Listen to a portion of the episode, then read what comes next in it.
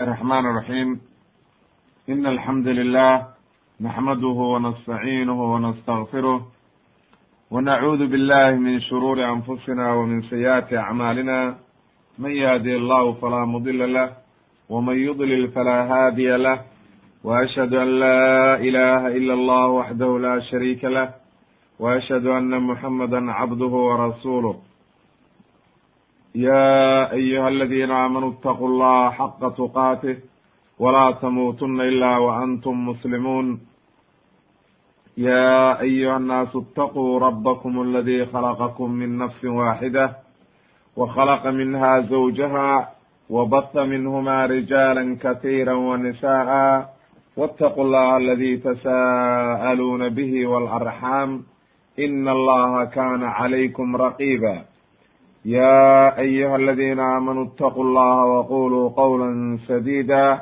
يصلح لكم أعمالكم ويغفر لكم ذنوبكم ومن يطع الله ورسوله فقد فاز فوزا عظيما أما بعد فإن أصدق الحديث كلام الله وخير الهدي هدي محمد صلى الله عليه وسلم وشر الأمور محدثاتها وكل محدثة بدعة wkula bidcatin dalaalah wkula dalaalatin fi nnaar in sha allahu tabaaraka wa tacaala hadduu ilaahay idmo waxaan ku sharaxaynaa halkaana silsiladii qasas alambiyaa waxa weye waxaynu soo gaarnay qisatu shucayb calayhi salaam nebiyullaahi shucayb calayhi salaam ayaynu soo gaarnay. Nebiyullaahi shucayb calayhi salaam awalan waxaynu ugu hormarinaynaa nasabkiisa iyo waxa weeye tacriif ayaynu ka bixinaynaa oo waxa weeye magaca iyo culummadu habka ay u sharaxeen ayaynu horta marka hore magac ka bixinaynaa. Qaala ibnu kathiir raximahullah imaam ibnu kathiir waxa uu leeyahay waxaa la yidhaahdaa wuxuu yihi kaana ahlu madyan nimanka la yidhaahdo reer madyan oo nabiyullaahi shacayb loo diray leanno mar walba ilaahay wuxuu ku bilaabayaa wa ilaa madyana akhaahum shucayba madyanna waxaa loo diray walaalkood shucayb marka nimankaa madyan waxa uu leeyahay ibnu kathiir waxay ahaayeen qowman caraban yaskunuuna madiinatahum madyan. Magaalada loo yaqaano madyan ayay deganaayeen oo waxa weeye hiya qaryatun min waxa weeye ku taala sham oo waxa weeye min ardi macaan min adraafi sham ayay ku taal buu yidhi oo waxa weeye dhulkaa sham dhankiisa xiga weeye dhanka soo xiga maaragtay xijaaj ayay ku tiilay buu yidhi.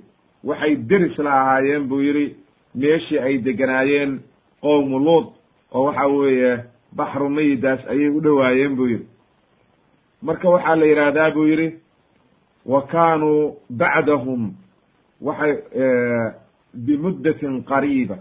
Muddo aad u dhow ayay reer qowmu luud ka dambeeyeen ba layidhi oo wax naflaba kama dembeynin oo muddo aada u dhow ayuu leeyahay ibnu kathiir raximahullah ayay ka dambeeyeen. Wa madyanu madiinatun curifat bi hadihi alqabiila. Madyanna magaaladaas nimankaa qabiilka ayaa lagu bartay.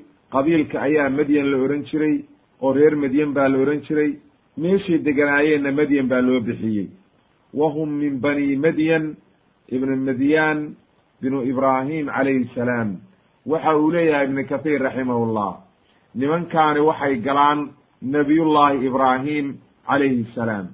Saa ayuu ku keenayaa oo waxaa la yidhi oo uu ku keenayaa tacriifta min bani madyan bay ahaayeen. Marka madyankaasna waxaa dhalay baa la yidhi midyaan ibnu ibraahim calayhi salaam. Marka qeyb gaaraynu ka dhigi doonaa insha allahu mar baynu u geli doonaa dhuriyatu ibraahim iyo waxa weeye say u kala horeeyaan inagoo ka bilaabayna maaragtay ismaaciil iyo isxaaq iyo ayaynu xabad xabad u soo qaadi doonaa haddii rabbi idmo amaa marka waxa uu leeyahay ibnu kathiir raximahullah nimankan madyan la ohan jiray waxay ka farcameen ba la yidhi nabiyullahi ibraahim calayhi salaam. Leanna waxa weeye kitaabka qur'aanka iyo sunnaha mar walba waxaa laynoo sheegay oo waxa weeye ku sugnaatay nabiyullahi ibraahim calayhi salaam. Isxaaq iyo waxa weeye ismaaciil ayaynu ku maqalnay kitaabka. Ama ninkan la yidhaahdo midyaan. Taariikhda iyo waxa weeye culummada inay keenaan maahe ma aynu arag kitaabkana kuma jiro oo waxa weeye laguma sheegin. Leanno inuusan nebi ahayn ayaa halkaa ka cad marka. Mar hadduuna marka nebi ahayn. Waa wax dhici kara nabiyullahi ibraahim carruur dambe inuu dhalay. Laakiin sida ahlu kitaabku xataa leeyihiin markay saara ka dhimatay inuu naag kala guursaday carruurna ay u dhashay ayay halkaa maaragtay ku keenayaan. Marka ibnu kathiir sidaa daraaddeed wuxuu leeyahay nimankan qabiilada reer madyan la yidhaahdo magaaladaasay deganaayeen qabiilada isimkeedii bayna magaalada caam ku ahaayeen waxayna galaan nabiyullahi ibraahim calayhi salaam. Saa ayuu leeyahay oo waxay ahaayeen dadkii caraboobay oo xaggaa degay dhanka carabta dhex galay ayay ahaayeen ayuu leeyahy wa shucayb nebiyuhum shucayb calayhi salaam waa nebigii loo diray aabihii waxaa la odhan jiray baa la yidhi shucayb waxaa aabihii la odhan jiray mika-il ayaa la keenayaa awowgiisna waxaa la yidhi waxaa la yidhahdaa yashjar ayuu maaragta ku keenayaa ibnu kathiir iyo waxa weeye ibnu isxaaq iyo sa ayay xusayaan sidoo kale waxaa la yidhi waxaa la yidhahdaa shucayb aabihiina waxaa la yidhahdaa juziy ibnu yashjar ayaa la yidhi oo qaar baa waxay leeyihiin waxa uu ka farcamay oo dhalay yacquub ayuu ka farcamay oo ninkii la odhan jiray laawi oo wiilashii yacquub ka mid ahaa ayuu galaa bay qaarna waxay yidhahdeen maya ma gale? Waxaa la yidhaahdaa shucayb ibnu yowba ibnu yowbab ayaa la yidhaahdaa awowgiisa kalena waxaa la yidhahdaa cifa ibni medyan ibni midyan aduu waxay u badan yihiin culummadu inuu ninkaasi uu nabiyullahi ibraahim duriyadiisii inay reer medyan yihiin ayay u badan yihiin. Laakiin wax nasa oo saxiixa oo ku sugnaaday ma hayno wey. Marka sidaa daraaddeed intaas soo naqlinaya ibnu kathiir raximahullah magacyo kala duduwan buu keenay oo waxa weye uu ku soo aroorinaya kitaabkiisa qasas alambiyaa marka wuxuu mar walba ku keenayaa inuu gala ninka la yidhaahdo madyan ibnu midyan oo waxa weeye midyaankaasna waxaa dhalay bay leeyihiin nabiyullahi ibraahim calayhi salaam. Marka halkaa ayay galaan ayaa la leeyahay reer madyan wallahu aclam marka sida saxiixa oo waxa weeye looma hayo wax daliila. Laakiin waxaana waxay u badan tahay taariikhdaani wax waxa weeye maaragtay badanaa laga soo qaatay reer banu israa'iil. Alxaafid ibn casaakir waxa uu keenay raximahullah wuxuu yidhi waxaa la yidhi buu yidhi. Waxaa la yidhi waxa wa qiila ummuhu bintu luud calayhi salaam.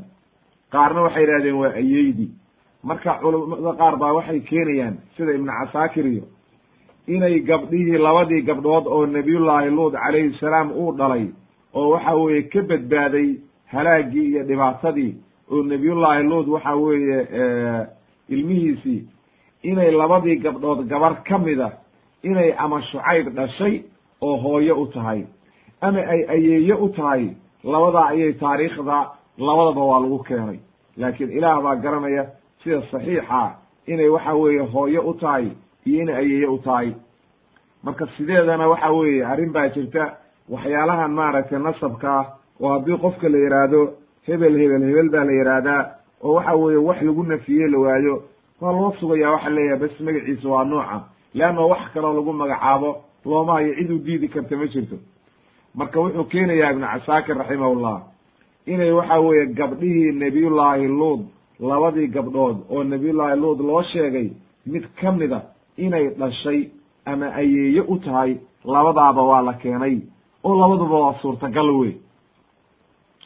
Leanna waxaa isku wakti ahaa nebiyullaahi luud calayhi salaam iyo nebiyullaahi ibraahim marka nebiyullaahi luud waataynu nidhi waxaa adeer u ahaa nebiyullaahi ibraahim. Ayaa adeer u ahaa.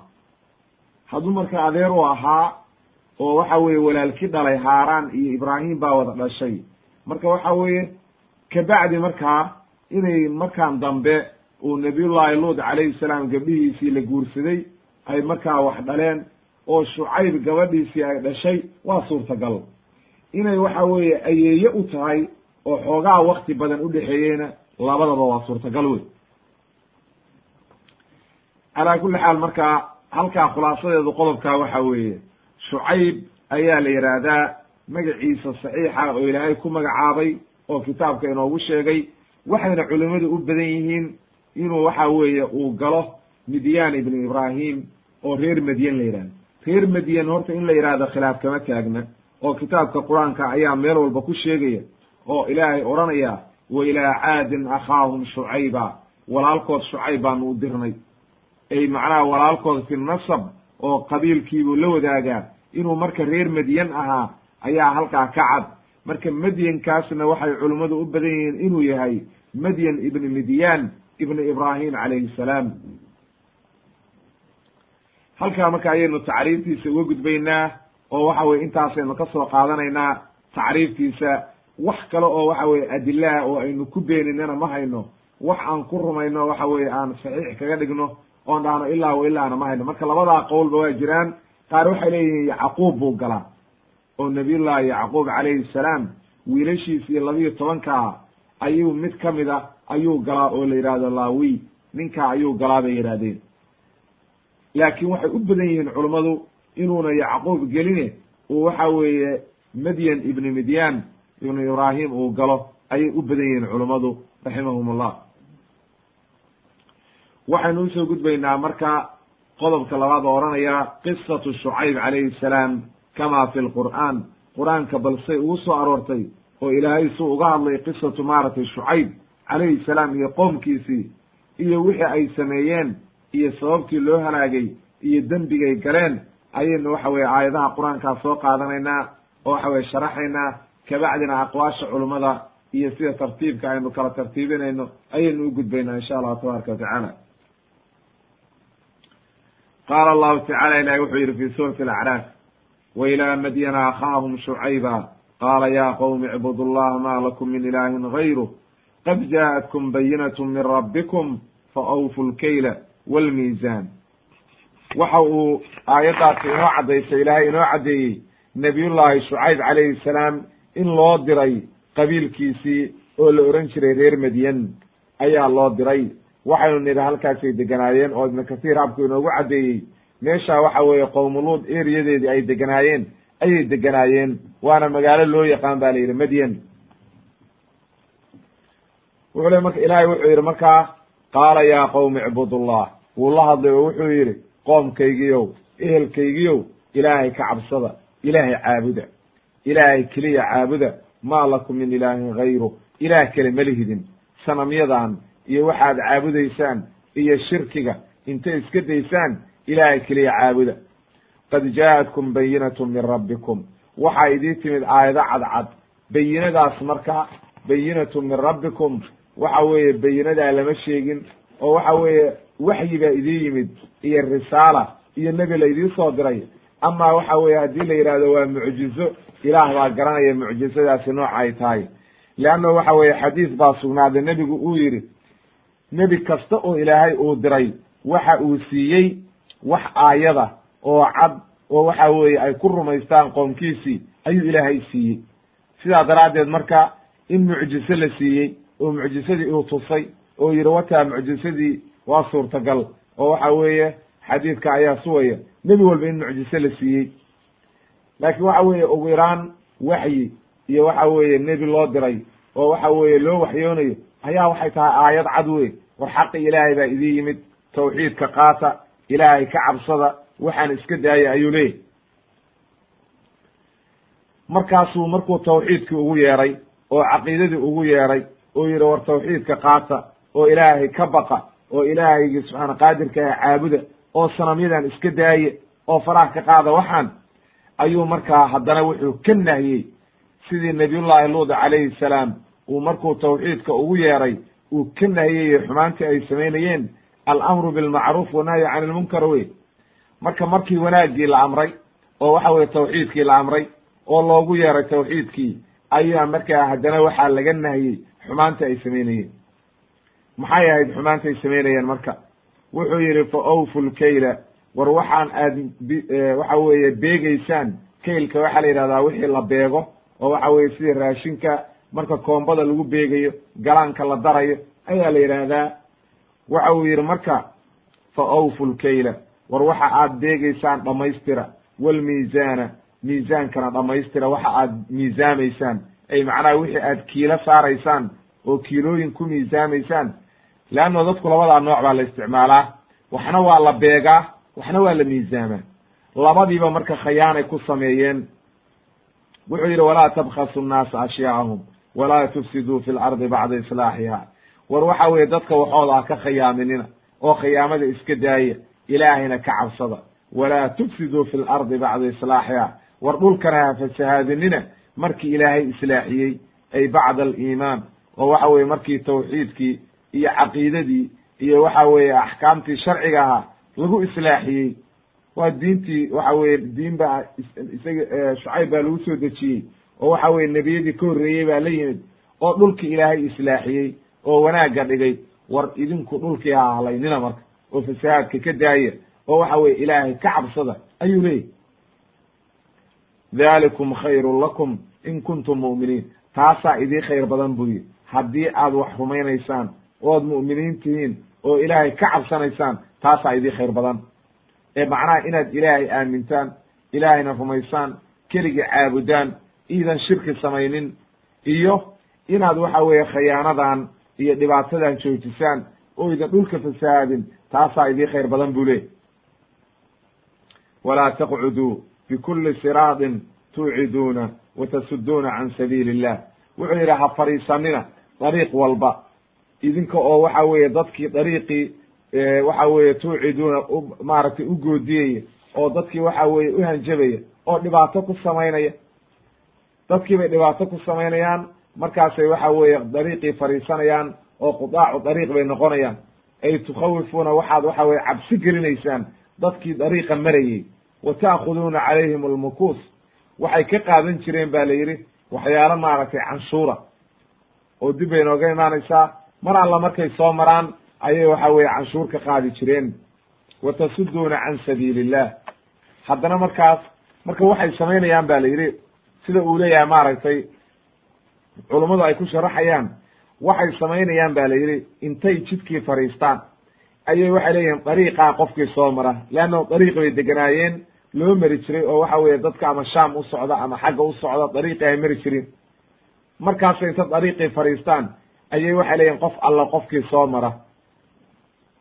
Canshuur baan ka qaadaynaa oo lacag baan ka qaadaynaa. Haddii kale dariiqa ma soo maraysaan oo waxa weye dadkiiba uhanjabayaan oo cabsi gelinayaan markaa wa tasuduuna can sabiili illah intii rumaysayna dariiq waxay u diidayaan inay waxa weye jidki ilaahay ayay ka joojinayaan. Wa tabquunaha man aamana bihi wa tabquunaha ciwaja. Ay macnaha dadkii waxaad doonaysaan shareecadii ilaahay iyo diintii ilaahay uu soo dejiyey inaad dadkii ka hor istaagtaan waa sidii qurayshi samayn jirtay. Intay waxa weye dariiq walba oo maka soo gala intay nin istaajiyaan ayay dadka maka imaanaya oo musaafirka ku imaanaya oo meelaha kale ka imaanaya ayay ohan jireen iska ilaali. Nin waalan oo maxamed la yidhaahdo oo saaxir ah oo dadka duufsadaa jooge ninkaa iska ilaaliya oo waxa weyuu ku duufsanin marka aad maka timaadid. Waa tabtii. Iyagina saas oo kale ay samaynayaan dariiqii dadku u soo marayey oo nebigu dadka ugu yeerayey ayay inta fadhiistaan. Ayay waxay leeyihiin markaa iska ilaaliya ninkan oo ha rumaynina. Oo jidki ilaahay bay hor istaagayaan. Shaydaan bay u adeegayaan markaa. Haddana markaasu wuxuu xusuusiyey markuu nooca u sheegay oo waxa weye arrintaasoo dhan u caddeeyey ayuu wuxuu xusuusiyey nicmada ilaahay u galay. Awalan wuxuu amray tawxiidkii taaniyan wuxuu amray inay khayaanada iyo edadarada joojiyaan oo waxa weye ayna dadka dhibin oo fasahaadka ay dhulka ka daayaan haddana markaasu wuxuu xusuusiyey nicmadii ilaahay u galay oo maxay tahay nicmadaasi? Halkaanu ilaahay inoogu sheegay nicmadii iyo wanaaggii ilaahay u galay oo uu xusuusiyey. Wuxuu yidhi wadkuruu xusuusta id kuntum qaliilan. Markaad dad yar ahaydeen shala reer medyen hadda maba dheeraba. Hadday nebiyullaahi ibraahim ka farcameen nebiyullaahi ibraahim oo waxa weeye luudna ay isku wakti ahaayeen haddiiba maaragtay calal aqali ugu badnaan la yidhaahdo nebiyullaahi luud calayhi salaam gabadhiisii ayaa shucayb ayeeye u ah haddii la yidhaahdo haddaba waxaan boqol sanaba dhamayn marka waxa weeye war haddeeraad farcanteen oo waxa weye reer medyen waa dad dhow weye wakti dhow wey marka ama laba boqol oo sano ama saddex boqol oo sano ugu badnaan waaba dad waktigaasa oo waxa weye dad dhow baatiin oo haddeer abuurmay marka wadkuruu xusuusta id kuntum qaliilan dad yar markaa ahaydeen faka fakasarakum markaa ilaahay ida bediyey oo waxa weye ilaahay baa inta ida bediyey nicmo ida siiyey oo wax walba ida siiyey oo farihii ida ka bediyey oo dad dhan oo qabiilo dhan oo meel degan ida ka dhigay. Hay wanduruu eega kayfa kaana caaqibatu lmufsidiin? War waxaad eegtaan oo ku taamilo qaadataan ood ku fekertaan bal eega dadkii idinka horreeyey oo waxa weye nimankii mufsidiinta ahaa oo dhulka fasahaadiyey reer oo waxa weye reer luud oo haddeer idinku dhowaa bal eega oo waxa weye meeqay idiin jiraan reer luud haddeer wakti dhow bay ahayd derisna waad ahaydeen zamaanna idinkama foga oo waxa weye wakti badan idima dhexeeyo maaragtay dhul fogna idinkama deganayn oo meel dhow bay deganaayeen oo waxa weeye waaba isku dhowdihiin oo dhulkooda dhul isku dhow ayuu ahaa.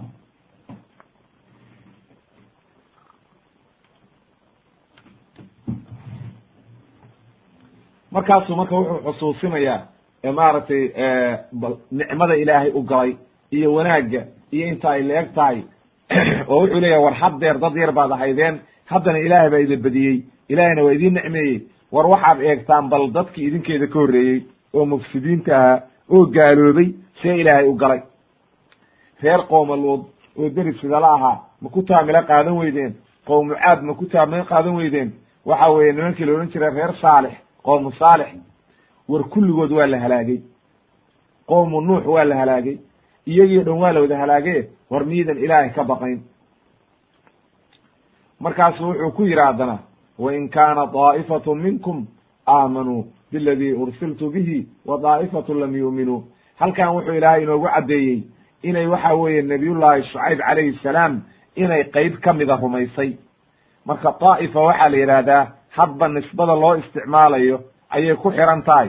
Marka haddii dad badan qeyb ka mida intay rumayso haba badnaadeene laakiin waxa weeye aqaliye ay yihiin waa daa'ifa mar walba. Oo waxa weye waa dad yar wey marka reer medyan oo dhan oo qabiil dhan ahaa haddii dad yari ka rumeeyeen oo kooxa oo waxa weeye ay nebigii raaceen waa daa'ifa weye marka waa koox wey marka wuxuu leeyahay ilaahay wuxuu yidhi wuxuu ku yidhi wa in kaana daa'ifatun haddii qeyb idin ka mida minkum idinka idin ka mida aamanuu ay rumeeyeen. Biladii ursiltu bihi wa daa'ifatu lam yuuminuu diintii layla soo diray oo ilaahay ila soo diray haddii qeyb idin ka mida rumeeyeen. Laakiin ay qeyb idin ka midana diideen fasbiruu sabra haddaba marka xataa yaxkuma allahu baynana. Idinkuna sabra annaguna waa sabraynaa waan sugaynaa idinkuna suga. Inta ilaahayna kala xugminayo. Leanna waxa weye wax kala diide diintii inaad qaadataan diide dariiqii xaqa ahaa diide haddaba marka waxaad sugtaan inta waxa weye xukumkii ilaah imaanayo oo qoladii gardarana la halaagayo qoladii wanaagsanna la badbaadinayo haddaba suga baa la yidhi marka wa huwa khayru alxaakimiin ilaahay ayaa wuxuu yahay kan waxa weeye ugu khayr badan wax wax kala xukmiya. Ilahay baa ugu khayr badan wey. Suga baa la yidhi marka oo waxa weeye wakti baynu sugayna.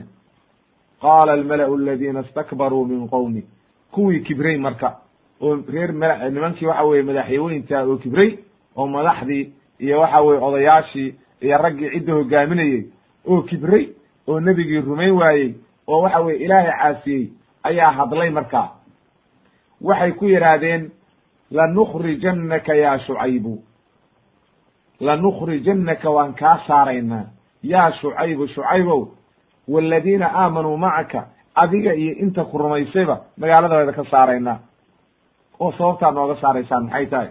Ow latacuudunna fii millatina ama diinteedi baad ku soo noqonaysaan shirkigii iyo sanamyadii iyo waxay caabudayeen iyo macsidii ay samaynayeen ayay ugu yeerayeen oo waxay leeyihiin laba kala doorta. In layda masaafuriyo iyo oo magaalada layda ka saaro iyo in aad ku soo noqotaan ciddu wixii ay caabudi jidhay sanamyadii. Waxa aad moodaa halkaa. Markaad fiirisid qasaska oo waxa weye nebi walba qisadiisa aad fiirisid inay kulligood isku hal wakti joogaan baad moodaa. Bal u fiirso nabiyullahi nabiyullahi nuux saasaa lagu lahaa nabiyullahi ibraahim waa tii lagu fiiloto loo galay. Nabiyullaahi huud nabiyullahi saalix nabiyullahi luut kulli waa la soo waday. Nebi maxamedna waa lagu yiri. Markay u tashadeen inay ama magaalada ka saaraan ama waxa weeye dilaan ama xabsiyaan waa ti ilahay ka badbaadiyey. Haddaba marka waxaad moodaa ilaa iyo yowma alqiyaama noocaas weeye oo qolo kasta oo dhaalimiina dadka xaqa ku taagan waxay ugu goodiyayaan oo waxa weye ugu hanjabayaan magaaladan idinka saarayna. Waa laydin masaafurinaya waa laydinka kaxaynaya meesha waa laydin ciqaabaya. Sababtu marka maxay tahay? Maxaa dadkan isku qowl ka wada dhigay? Ilaa yowma alqiyaama ilaa iyo waktigii soo shirki bilaabmay maxaa dadkan isku wakti ka dhigay isku hadal ka dhigay? Ila isku wakti ma joogaane.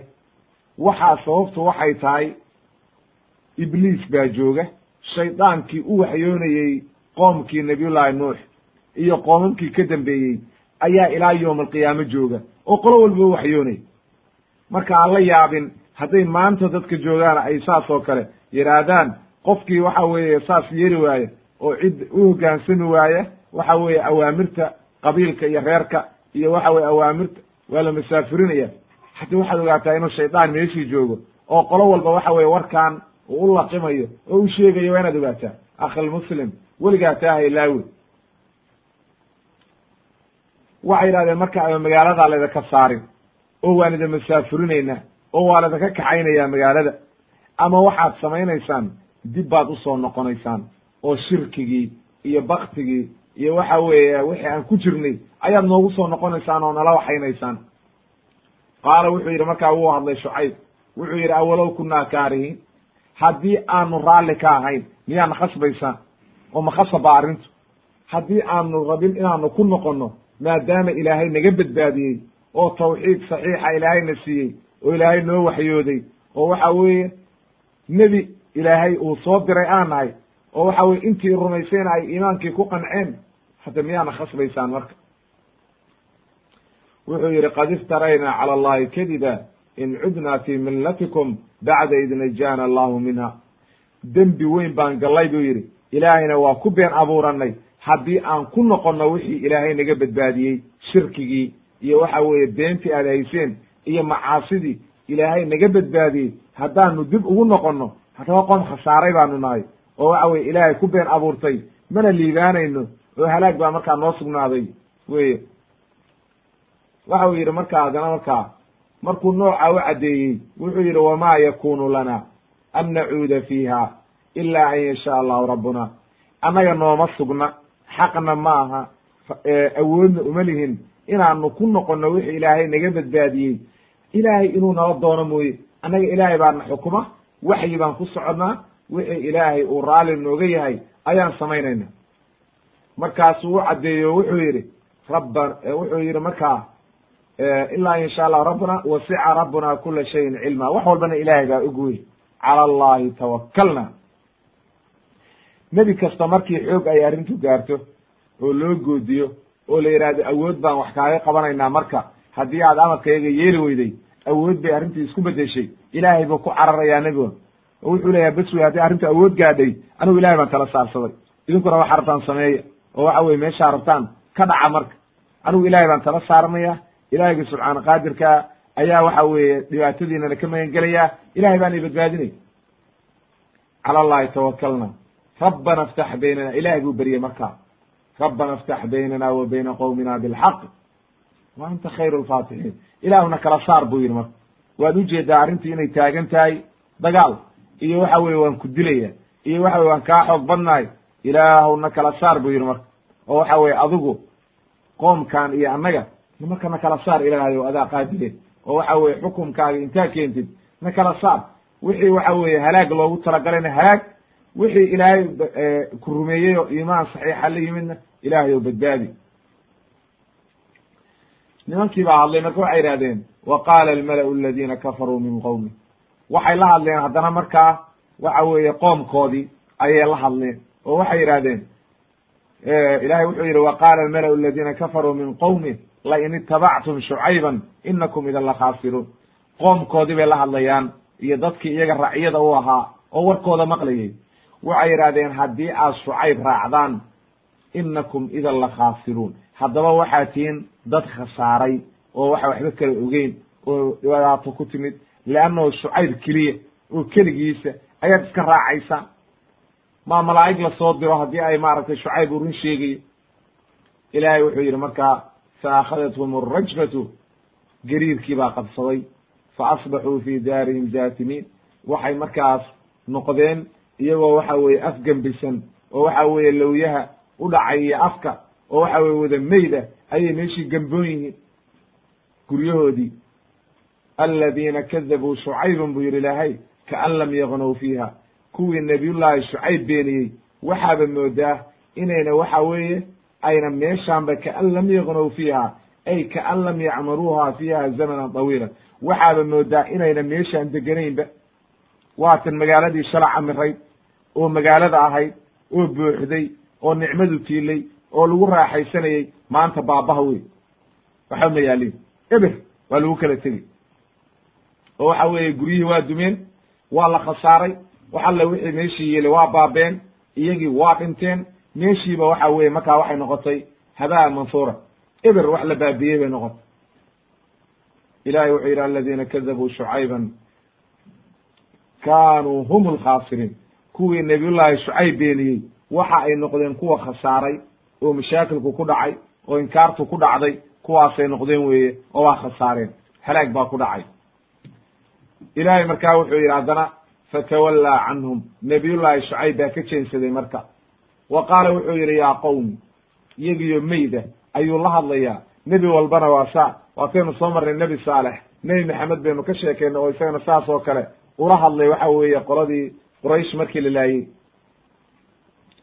waxa uu ku yidhi marka fatawallaa canhum. Waa ka jeensaday. Wa qaala wuxuu yidhi yaa qowmi qoomkaygiyow laqad ablagtukum risaalaati rabbii waan idin soo gaarsiiyey risaaladii iyo diintii layla soo diray. Waan idin soo gaarsiiyey.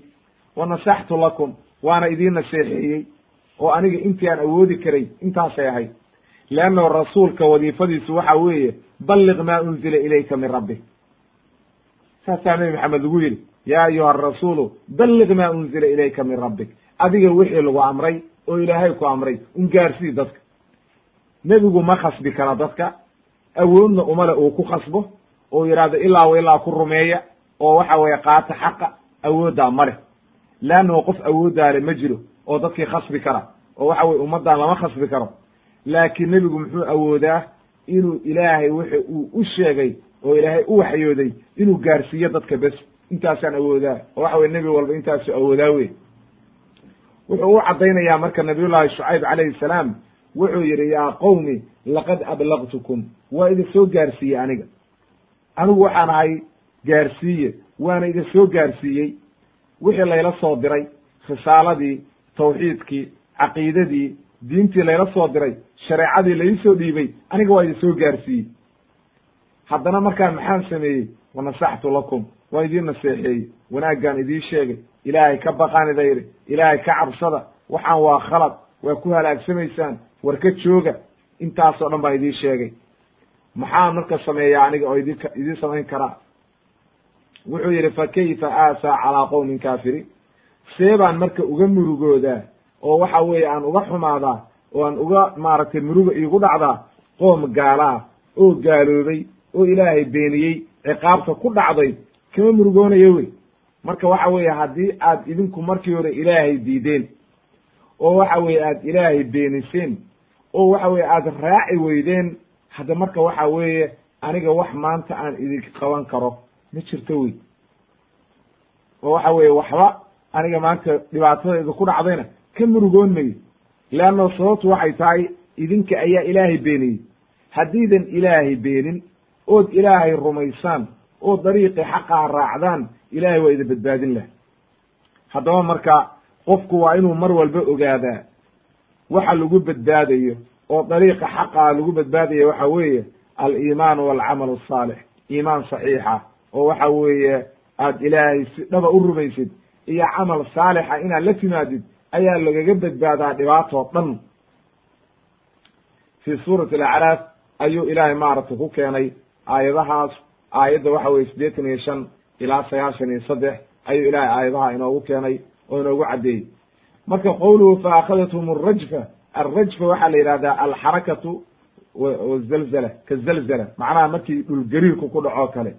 Marka waa inoo imaan doontaa gadaal bay inooga imaanaysaa. Markaynu tafsiilinayno kayfiyadii loo halaagay iyo habka loo halaagay ayaynu gaari doonaa insha allah tabaaraka wa tacaala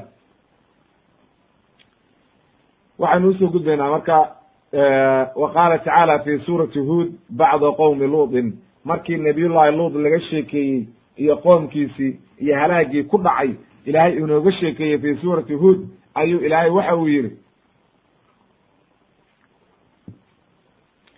wa ilaa madyana akhaahum shucayba ay akhaahum fi nasab waxa uu qabiilkiibuu la wadaagaaye diin lama wadaago diin lama wadaago. Leannahu nasab ayuu la wadaagaa. Waataynu niri nabiyullahi shucayb calayhi salaam waxa waxaa dhalay nin la odhan jiray mika'il waxa uuna galaa madyan ibn ibrahim madyan ibni midyan ibn ibrahim ayuu galaa ayaynu niri oo waxa weye sida ibn kathir iyo culummadu ay u badan yihiin saasay ku tacriifinayaan. Marka madyankuna waa abulqabiila oo waxa weeye waa qabiilkii loo tiiriyey aab waa odagii ay ka soo jeedeen oo reer hebel wey markaasuu wuxuu ku yidhi qaala ya qowm icbudullaha ma lakum min ilaahin gayruh walaa tanqusu lmikyaala walmiisaan war wuxuu yidhi ha nusqaaminina kaylka aad wax markaad wax maaragtay beegeysaan iyo markaad wax miisaamaysaan midna ha nusqaaminina oo ilaahay ka cabsada oo waxaan joojiye hadhow baynu marka tafsiilinaynaa marka aynu halkaa ka hadlayno soomaaliduna bal habka ay u samayso iyo waxa weeye khiyaanada habkay u sameeyaan halkaasaynu ka ogaan doonaa. Walaa tabkhasu nnaasa ashyaahum war dadka waxooda ha ka nusqaaminina oo ha ka khayaaminina oo dhibaatada joojiya. Walaa tactw fi lardi mufsidiin. War dhulkana ha fasaadinina ayuu yidhi. Baqiyat llahi khayrun lakum in kuntum mu'miniin. War waxa idii haray oo waxa weeye haddaad ganacsi gelaysaan war inta idii harta ayaa idinku filan ee waxa weeye iska daaya khiyaamadan aawadaan oo dadka khiyaamaysaan faraha ka qaada. oo waxa weeye haddii aad maaragtay wixii xalaasha ahaa ayaa idinku filan ee waxaad leedihiin qaata qofkaana hadduu kiilo beriisa kaa gatay kiiladii u dhamaystir waxba kala harin. Ila lacagtiiba ka qaadatay. Lacagtii baad ka qaadatay. Markaasaad kiiladiiba nusqaana siinaysaa hadda waa khiyaamo wey marka khiyaanada noocaasa lama rabee ilaahay ka cabsada buu yidhi oo dadka waxooda u dhamaystira. Wuxuu yidhi marka haddana baqiyat llahi khayrun lakum in kuntum mu'miniin wama ana calaykum bixafiid. Anigu waxa weeye idima waardiye idinkameyi oo waxa waxba idima qaban kare. Anigu waxaan idin soo gaarsiiyey xaqiye ilaahay inta ka cabsataan waxa weye noocaas sameeya oo haddaad mu'miniintihiin oo ilaahay rumaynaysaan ilaahay ka cabsada. Markaasay waxay yihahdeen qaaluu ya shucaybu shucaybow asalaatuka ta'muruka an natruka maa yacbudu aabaa'una aw an nafcala fi amwaalina ma nashaa inaka la anta alxaliim arashiid waa ku isdisaayaan dheel dheel wey waa ku qoslayaan waxay leeyihiin shucaybow ilaahay waxaan kuma amrine. Ma salaada aad tukanaysid? Oo waxa weye salaadan aad tukanaysid? Ood foorfoorsanaysid miyaa waxaan ku amartay oo waxa weeye ku faraysa inaanu xoolaha iyagana saanu waxa weye inaan cibaadadeedii ka tagno oo sanamyadii aabbayaashii caabudi jireen inaanu ka tagno ma waxaa ku amraysa sanamyadan aad wadatid waxa weeye salaadan aad tukanaysid miyaa ku amraysa inaanu sanamyadii banaanka ka marno oo waxa weye aan ka tagno? Ila markuu u jawaabay oo yihi wamaa ana calaykum bixafiid. Macnaha aniga waardiye idinkamey oo raqiibun maaragtay wakiil idinkamey oo waxa weye idinma waardiyeynayo ee waxa weye keliya waa waaninaya ayay markaa dheel dheel iyo waxay ka dhigeen iyo waxa weeye ku qosqosleen leanna waa isagii yidhi war ilaahay ka cabsada oo waxa weye waxaan iska daayay markaas waxay yidhahan asalaatuka ay kasratu salaati. Salaadan faraha badan oo aad tukanaysid ood intaa waxa weye ku jirtid miyaa ku amraysa in aanu waxa weeye ana sama sanamyadii iyo wixii cidduu caabudi jirtay iyo waxa weeye qabuurihii la dul fadhiyey inaanu faraha ka qaadno oo iska dayno oo warkaaga yeelno oo waxa weeye aanu adiga ku raacno salaadaana ku amraysa. Haddana waxa weeye xoolaha yagii annaga saa rabno inaan u gallo kaan rabno inaan wax ka khayaano kaan rabno wax ka nusqaamino kaan rabno u zaa'ideyno ma waxaa ku amraysa salaada miyaa ku amraysa wey? Ilaahay ku amri mayay ka wada. War waxaan aniga ilaahay baa i amray. Wixii ilaahay amray baana idin soo gaarsiiyey. Ayuu isagii leeyahay iyaguna waa ku dheeldheelayaan oo ku qosqosilayaan waxay leeyihiin maya salaadaa ku amraysa waa istihzaa wey waxay yidhahdeen marka inaka la anta rashiid macnaha nin wanaagsan baata soomaaliduna waa isticmaashaa kalaamka. Qofkay rabaan inay wax u qariyaan ama yidhahdaan waa nacas. Ayaga waxay leyin hebel waa nin aad u wanaagsan. Waa nin caqli badan. Waa nin doqon bay u qarinayaan. Waxay leyin hebel waa nin fiicane iska daayo waa nin caqli badani. Marka noocaas oo kale ayay igu iyaguna istihzaa uga dhigayaan oo waxay leeyihiin nin wanaagsan oo dulqaad badan baa tahay oo wanaagsan oo caqli leh haddaaba noocaa ku socotid. Qaala wuxuu yidhi yaa qowmi waxaa doo waxay doonaanba ha dhaheen isagu dan u geli maya marka. Leanna waxaasi nebiyadu uma jixinjixaan nebiyadu waxay muhiimadoodu tahay inuu qofkaani ka badbaado naar ayay ku dadaalayaane iyaga muhiimadoodu ma fiirinayaan qofkaani ereyga xun oo uu yidhi iyo khaladka uu ku socdo ma aha waxay eegayaan war qofkan iimaanka ha qaato hadduu iimaanka qaato oo ilaahay ka baqo isagaaba iska daynaya waxaan. Markaasu wuxuu ku yidhi yaa qowmi ara'aytum? Ka warrama ka warrama buu yidhi. In kuntu calaa bayinati min rabbi haddii aan arrin cad la imid oo ilaahay uu siiyey oo waxyi min allahi aan waxaan idiin sheegaya uu yahay bal ka warrama. Wa aataanii wa razaqanii minhu risqan xasana uuna igu irsaaqay risqan xasanan ay macnaha waxyi iyo diin ilaahay igu soo dejiyey haddaan idiin sheegayo bal ka warrama buu yidhi. Marka haddaad idinkii dhirsan tihiin anigana saa igu dheeldheelaysaan xaaladiinu see noqonaysa. Wama uriidu an ukhaalifakum ila ma anhaakum canh mana doonaya buu yidhi inaan idii dabamaro waxaan idinka naayinayo. Leannao qofka daacigaa ama waxa weye khayrka dadka ugu yeeraya ma banaana inuu isagu dadki inta wixii ka naayiyo uu markaa waxa weye u dabamaro. Waa xaaraam wey axaadiis baa inoo imaanaysa. Aynu gadaal ka caddayn doono oo waxa weeye aynu markaynu aayadaha dhamayno aynu keeni doono inayna banaanayn qofku hadduu dadka wanaag ugu yeero oo xaqa ugu yeero inuu isagu u dabamaro xumaantii markuu xumaantii ka nahiyo lama ogola. Wuxuu yidhi markaa wma uriidu an ukhaalifakum ila ma anhaakum canh in uriidu ila lislaaxa ma stadactu waxaan doonayaa buu yidhi keliya aniga islaax iyo wanaag intii aan awoodo. Aniga islaax baan idinku yeeray iyo wanaage waxa weye waxaan kaloo aad wadaan aniga waxa weeye ma ma garanayo. Mana awoodi kara wax kale. Mana doonayo inaan idin daba maro wama tawfiiqi ila billah wax aniga aan samayn karo iyo waxa waxa weeye aan aniga awoodi karo iyo waxaan waxa weye ida siin karo midna ma jirto idama waafajin karo idama hanuunin karo haddaan ilaahaygi subxaana qaadirkaa una waxaan o dhan waafajin calayhi tawakaltu wa ilayhi unaybu ilahay baa aniga tala saabsaday ilahay baana wax walba iwaafajinaya idinka waxaan idii qaban karana ma jiraan wey wuxuu kadi uga digay markaa haddana wuxuu yidhi wa yaa qowmi laa yajrimanakum shiqaaqii an yusiibakum mitlu ma asaaba qowmu nuuxin aw qowma huudin aw qowma saalix wama qowmu luudi minkum bibaciid macnuhu waxa weeye laa yajrimanakum ay laa yaxmilanakum mukhaalafatii war khilaafka aad khilaafaysaan aniga. Yay idinku xambaarin inuu cadaabtii ku dhacday qoomamkan la soo sheegay. Sidii reer qooma nuux iyo waxa weeye reer caad iyo waxa weeye reer saalix waxa weeye qoomamkaas reer tamuud iyo waxa weye reer luud oo hadeer idii dhowaa. Wama qowmi luudi minkum bibaciid macnaha bibaciid macnaha zamaanna idinkama dheera oo wakti dhow bay ahaayeen. Makaankii iyo dhulkiina waad isku dhowdiin oo deris baa tihin war wixii ku dhacay marka markay nebiyadoodii diideen. Oo waxa weye ay ku gaaloobeen. War wixii ku dhacay oo kale yay idinku dhicin. Markaad ikhilaaftaan ee iska jira oo cabsigelin wey tarhiib wey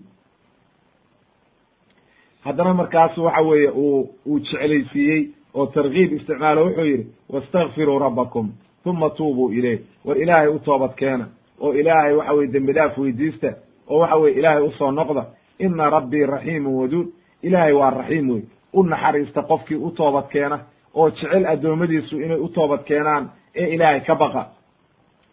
Markaasay haddana hadlayna waxay yidhahdeen qaaluu ya shucaybu ma nafqahu katiira mima taquul war shucaybow annaga waxaad sheegaysid in badan ma garanayno oo warkaaga ma fahmayno oo soo anigaan isku luuqadda soo inaga ku hadlayna oo luuqadiini soo aniga ku hadlaya soo inaga wada dhalanay soo inaga wada joognay shalay waa ifahmayseene maanta markaan xaq u yeeray miyaad ifahmi weydeen? Waxay yidhahdeen kuma fahmayno waxaad dhahaysid. Wa innaa lanaraaka fiina daciifa. Waxaana kuu aragnaa nin daciifa inaad tahay oo tabar daran oo daciifa. Qaar waxay leeyihiin maaragtay mufasiriintu kaana dariir lbasar indhaha ayuu ka liitay oo waxa weye saasay ku ceebaynayaan oo dadka aan indhaha si fiican wax uga arag buu ahaa. Ayay leeyihiin laakin waxa weeye daciifnimadu wax walbay geli karnaa ama markaa ha u arkeen nin waxa weeye tabar yar ama ha u arkeen maaragtay ha ku istihzaa'ayeen oo waxa weeye istihzaa ka ahaato laakin kolley waxay yidhahdeen waxaanu ku aragnaa nin daciifa. Daciifnimadaasi marka nooca ay tahay ilaah baa garanaya laynooma sheegin. Wax adilaha ku sugnaadayna ma jiraan ilaah baa garanaya. Wuxuu yidhi marka waxay yidhahdeen marka walowlaa rahduka larajabnaaka wama anta calayna bicaziiz waxay yidhahdeen haddaanu qabiilkaaga kaaga baqaynin rahdu rajul waxa weye rahdu lqowm waa qabiilka jifidaada iyo ehelkaaga iyo qabiilada aad ka dhalatay haddaanu kaaga baqaynin ha ku rajmin lahay macnaha waxa aanu kaaga baqayna oo kuu daynaynaaba wax kale maaha waa qabiilkaa waana tuulaa maaragtay nabiyullahi luud calayhi salaam haddii aan ka maaragtay loo aawi ilaa ruknin shadiid haddii aan ka dhalan lahaa qabiil adagoo idinkeeda ka a maanta iguma idin soo degdegteen. Sidaa daraaddeed marka waatuu nebigu yidhi nebi walba oo nabiyullahi luud ka dambeeyey waxaa laga diraa qabiil adag oo waxa weye reer adag ayaa laga dhex saaraa oo si waxa weeye leanno dadku laba nooc bay qofka uga cabsadaan. Qof wuxuu kaaga cabsanayaa ilaahay darti oo waxa weeye ciqaab buu ka baqayaa oo cabsida ilaahay oo waxa weeye uu aaminsan yahay ayaa kaa celinaysa oo waxa weeye dulmigiisa iyo dhibaatadiisa kaa celinaysa. Qofna waxa weye ilaahay ka cabsan mayo oo waa dhaalim laakin wuxuu kaaga cabsanayaa qabiilkaaga. Marka dadku labadaa nooc wey marka qofkii ilaahay darti kaaga cabsan waayey haddii aadan qabiil lahayn adag aadan ka dhalan wuu kugu durdurinaya marka. Suu rabuu kaa yeelaya leanna ciduu kaaga cabsanaya male ilaahayna ka cabsan mayo. Daduu kaaga cabsadana male waa suu rabuu kaa yeelaya marka. Haddii laakiin uu qofku ilaahay ka cabsanayo qabiil yarba ka dhalo intaa doonti ka dhalee waxa weye marka horeba ilahay buu kaaga cabsanaya waxay banaan kaa maraya. Haddii laakiin uuna ilaahay ka cabsanaynin wuxuu eegayaa war ninkan haddaad maanta dishid ama dhibaato ku samaysid hadda qabiilkiisiba adigana ku dilaya oo ku dhibaataynaya oo mashaakil kugu samaynaya war ninkaa faraha ka qaad hadda marka waa wax jiro wey waa wax bilo aadmiga o dhan ku abuuran ee maaha wax waxa weye shucayb keliya gaar ku ah. Marka saas wey marka daraaddeed waxay leeyihiin haddaanu qabiilkaaga kaaga baqaynin waa ku rajmin lahay oo waxa weye gebigaagaba dhagax baan kugu dili lahay waxa aad ku hadlaysa. Wuxuu yidhi markaa u jawaabay wuxuu yidhi qaala yaa qowmi qoomkaygiiow arrahdii acazu calaykum min allah? War waxaa idinkala weynaaday miyaa qabiilkaygana waa iiga baqaysaan ilaahayna ka cabsan maysaan oo ilaahay iiga baqi maysaan marka haddaad ilaahay iiga baqi weydeen qabiil muxuu taraya ilaahaygii qabiilka ka xoog badnaa oo qabiilka sameeyey oo waxa weeye idinka ida abuuray. So inaad iiga cabsataan maa intaad leedihin waxaan kaaga cabsanaynaa qabiil.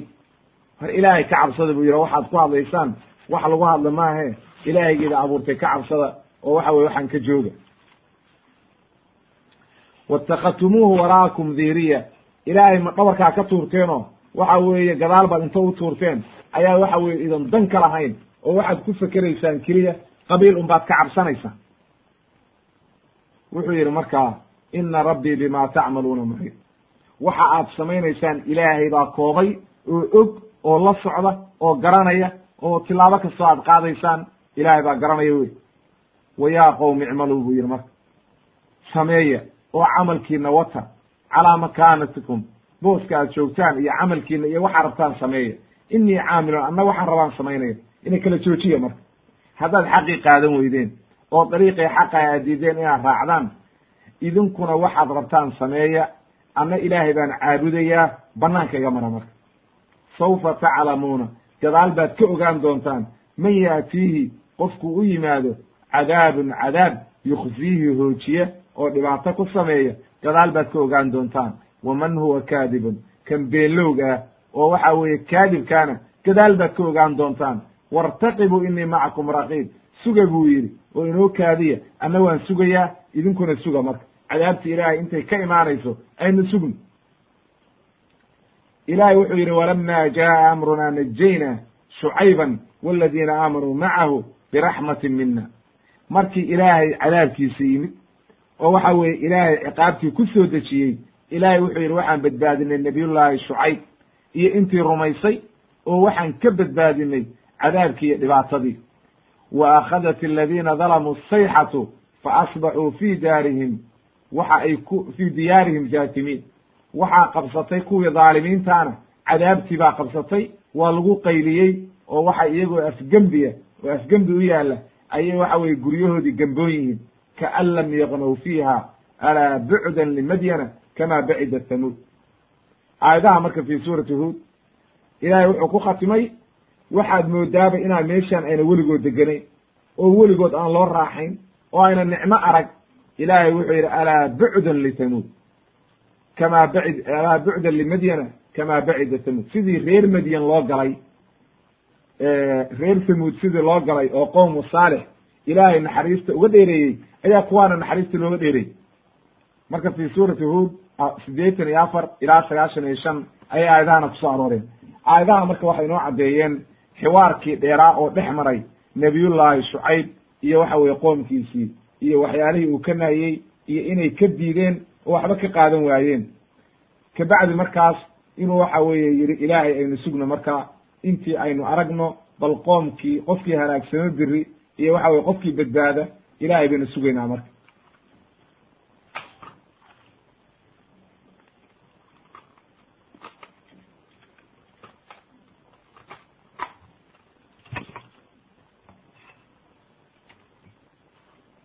Kabacdi marka halkaa ayay markii arrinta isla gaartay. Haddana ilaahay waxa uu ku yidhi maaragtay fi suurati shucaraa bacda qowmi luutin. Qowmi luut markuu ilaahay ka sheekeeyey ayaa haddana ilaahay wuxuu yidhi kadabat asxaabu laykati almursaliin asxaabu layka ay macnaha alayka asalkeeda waxaa la yidhaahdaa waa geed weyn waa geed ay caabudi jireen oo waxa weeye meesha kayntaa geedaha ku yaalla oo waxa weeye geed weyn oo meel kayna ku yaalla oo waxa weeye geeda hareeraha ka yihiin ayay ilaah ka dhigteen oo sanam ka dhigteen oo caabudi jireen asxaabu baadiya meel baadiye ah oo waxa weye kayn ah geed ku yilay ayay halkaa marka caabudi jireen ba li nebiyadii o dhan bay beeniyeen iyo rusushii leanna waxaynu nidhi haddii hal rusul uu qofku beeniyo hal rasuul qofkii beeniya waa kaanamaa isagoo rusushii o dhan beeniyey. Kulligood leanna rususha ilaahay kulligood waxay dadka ugu yeerayaan tawxiid caqiida ilahay in la caabudo. Waa isku wada mid wey hal mida hadduu qofku beeniyo kulligood waa beeniyey oo waxa weeye qaar baan rumaynaya qaarna waa beeninaya lagaa yeeli mayo id qaala lahum shucaybun alaa tattaquun markuu shucayb ku yidhi war miidan ilaahay ka baqaynin. innii lakum rasuulun amiin war waxaan idii ahay rasuul aamina oo waxa weeye ilaahay ka cabsada oo waxa weeye xaq baan idin soo gaarsiiyey ida khiyaami mayo wixii la soo diray iyo risaaladii ilahay baan idiin keenay. War ilaahay ka cabsada ayuu leeyahay. Fattaqu llaha wa adiicuun war ilaahay ka cabsado annaga adeeca markaasu haddana wuxuu u caddeeyey inuuna xoolo ka rabin. Markuu yidhi ilaahay ka baqa. Oo i adeeca wuxuu u caddeeyey haddana wuxuu yidhi aniga xoolayda kama rabo. Nebi walbana waa nooca. Wuxuu yidhi wamaa asalukum calayhi min ajrin in ajriya ilaa calaa rabbi alcaalamiin aniga xoolayda kagama raba buu yidhi. Dacwadaan idin soo gaarsiiyey iyo diintaan aan idiin keenay xoolo aan idinkaga doonayo ma jirto wey. Oo maxaad marka waaye xaqaan adigu xaggee baad xoola ku leedahay wuxuu yidhi in ajriya ilaa calaa rabbi alcaalamiin anigu waxa weeye ajarkayga iyo wanaagga aan doonayo ilaahay baa isiinaya. Idinka waxba idinkaga baahni. Ee intaad ilaahay ka cabsataan oo rabbigeeda abuurtay ka cabsataan waxaan ka jooga. Oo dhibaatadan iyo mashaakilkan waad ku halaagsamaysaane war waxaan ka jooga ayuu leeyay awfu lkayla walaa takunuu min almuksiriin awfu lkayla ayuu yidhi war waxaad dhammaystirtaan kaylkii iyo waxa weeye waxyaalihii aad miisaamayse aad beegaysiin war dhammaystira oo ilaahay ka cabsada. Markaasu wuxuu yidhi awfu lkayla walaa takunuu min almuksiriin dadka waxooda ha khasaarinina oo waxa ka dhiminina wazinuu bilqisdaasi almustaqiim. War miisaan toosan oo cadaalad ah wax ku waxeeya oo ku miisaama oo ilaahay ka cabsada. Walaa tabkhasu nnaasa ashyaa'ahum walaa ta'thow fi lardi mufsidiin. War dadka waxooda ka khayaaminina dhulkana ha fasaadinina oo ilaahay ka baqa ayuu leeyahay. Wattaquu aladii khalaqakum waljibillata alawaliin war ilaahaygiida abuuray idinka iyo ummadihiida ka horreeyey ka cabsada ayuu yidhi. Oo rabbigiida abuuray idinkana awooddaa idi siiyey ummadihii ida ka horreeyeyna abuuray oo halaagay war ka cabsada. Jawaabtoodii bal u fiirso iyo jawaabtooda wanaag buu isagii leeyahay wanaag buu u sheegayaa iyaguna jawaab xun ayay waxa weeye siinayaan waxa uu yidhi qaaluu inamaa anta. Ilaahay wuxuu yidhi waxay yidhahdeen qaaluu inamaa anta min almusaxariin waxaa tahay mid sixirowa oo waxa weeye sixirow ayaa tahay waxaan aad sheegaysid wax ka jira male saaxir baat ama waad basixiran tahayba labada qowlba waa layidhi wamaa anta ilaa basharu miluna wa in nadunuka la min alkaadibiin wax aadna dheer tahay ma jirta bay dheheen bashar annaga nala midaa tahay oo qof caadiyaa tahay waxaana kuu malaynaaba beenlow inaad tahay. Subxaana allah waxay yidhahdeen bal canaadkooda u fiirso iyo caqli xumadooda. Waxay yidhahdeen fa asqid calayna kisafan min asamaa in kunta min asaadiqiin waxaad nagu soo dejisaa bay dhaheen qeyb ka mid ah samada. Soo deji. Ay juz-a min asamaa qeyb ka mid a samada inta nagu soo dejisid hanala ku cadaaba annaga. Haddii aad run sheegaysid kuwaanaaba ugu daranba waa sidii ay quraysh yidhaahdeen oo kale. Iyaguna waxay yidhahdeen maaragtay annaga cadaabkayagaa naloo soo dedejiyo. Cajil lanaa qidanaa qabla yawmi alxisaab aakhira bayaana la gaarsiinay hadda hanala cadaabo. Marka kulligood waa saas. Ilaanoo shaydaan baa meesha jooga oo wada waxyoonaya oo waxa wax ilaahay cadaab ugu talagalay wey. Waxay yidhahdeen marka noo soo dedejiba annaga oo waxa weeye samada intaad qeyb soo rujisid haddaad run sheegaysid nagu soo daadi qaala wuxuu yidhi rabbii aclamu bima tacmaluun war aniga waxaa shaqo kuma liibi. Ilaahay baa garanaya waxa aad samaynaysaanna ilaahay baa og. Hadduu marka cirkaydu ku soo dejinayo iyo hadduu si kale idii cadaabayo ilaahay baa garanaya wey. Fakadabuuhu buu yidhi ilaahay waa beeniyeen. Faakhadahum cadaabu yowmi dulla waxaa qabsaday markaa cadaab waxa weeye maalintii waxa weye yowmi dulla addulla waxaa la yidhahdaa daruurta. Ee macnaha markii saxaabo inta daruur isa soo xirto oo waxaa lagu cadaabay ba la yidhi qaybihii lagu cadaabay ka mid ahaa daruur waxa weeye soo da'aysa oo naar ka soo daadanaysa. Inta la soo dul istaajiyey oo ay is yidhahdeen waa roob baa laida siinaya oo daruur ay heleen oo cirki isa soo xidhay ayaa markaa waxa weye lagu soo daadiyey roob waxa weye markaa naar. Inahu kana cadaaba yawmin cadiim. Cadaab aad u adag bu ahaa buu yidhi ilaahay maalintaas. Ina fi dalika la aaya wama kana aktaruhum mu'miniin ayuu ilaahay ku khatimay. Aayad baa ku sugan. Qofkii caqli leh oo waansamaya aayad baa arrintaa ugu sugan. Laakiin dadka inta badan ma rumaynayaan.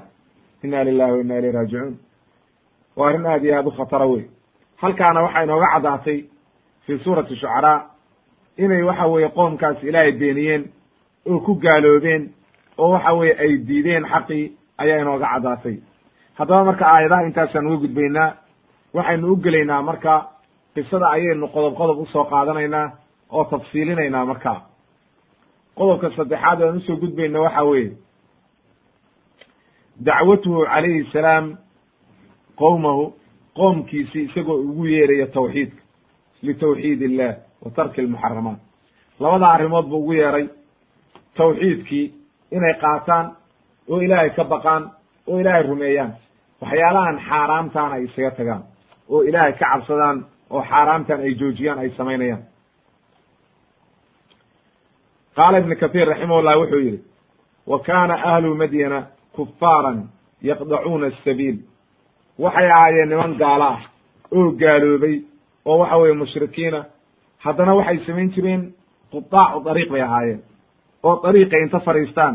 Wax alla wixii safar dariiqaa soo mara ayay xoolaha ka qaadi jireen bal oo baadi jireen oo ohan jireen xoolaha qeybkeen haddii kale ma gudbaysid oo waxa weye dariiqii mari maysid. Haddaad xoolahay qeyb keenin oo aadan canshuur bixin.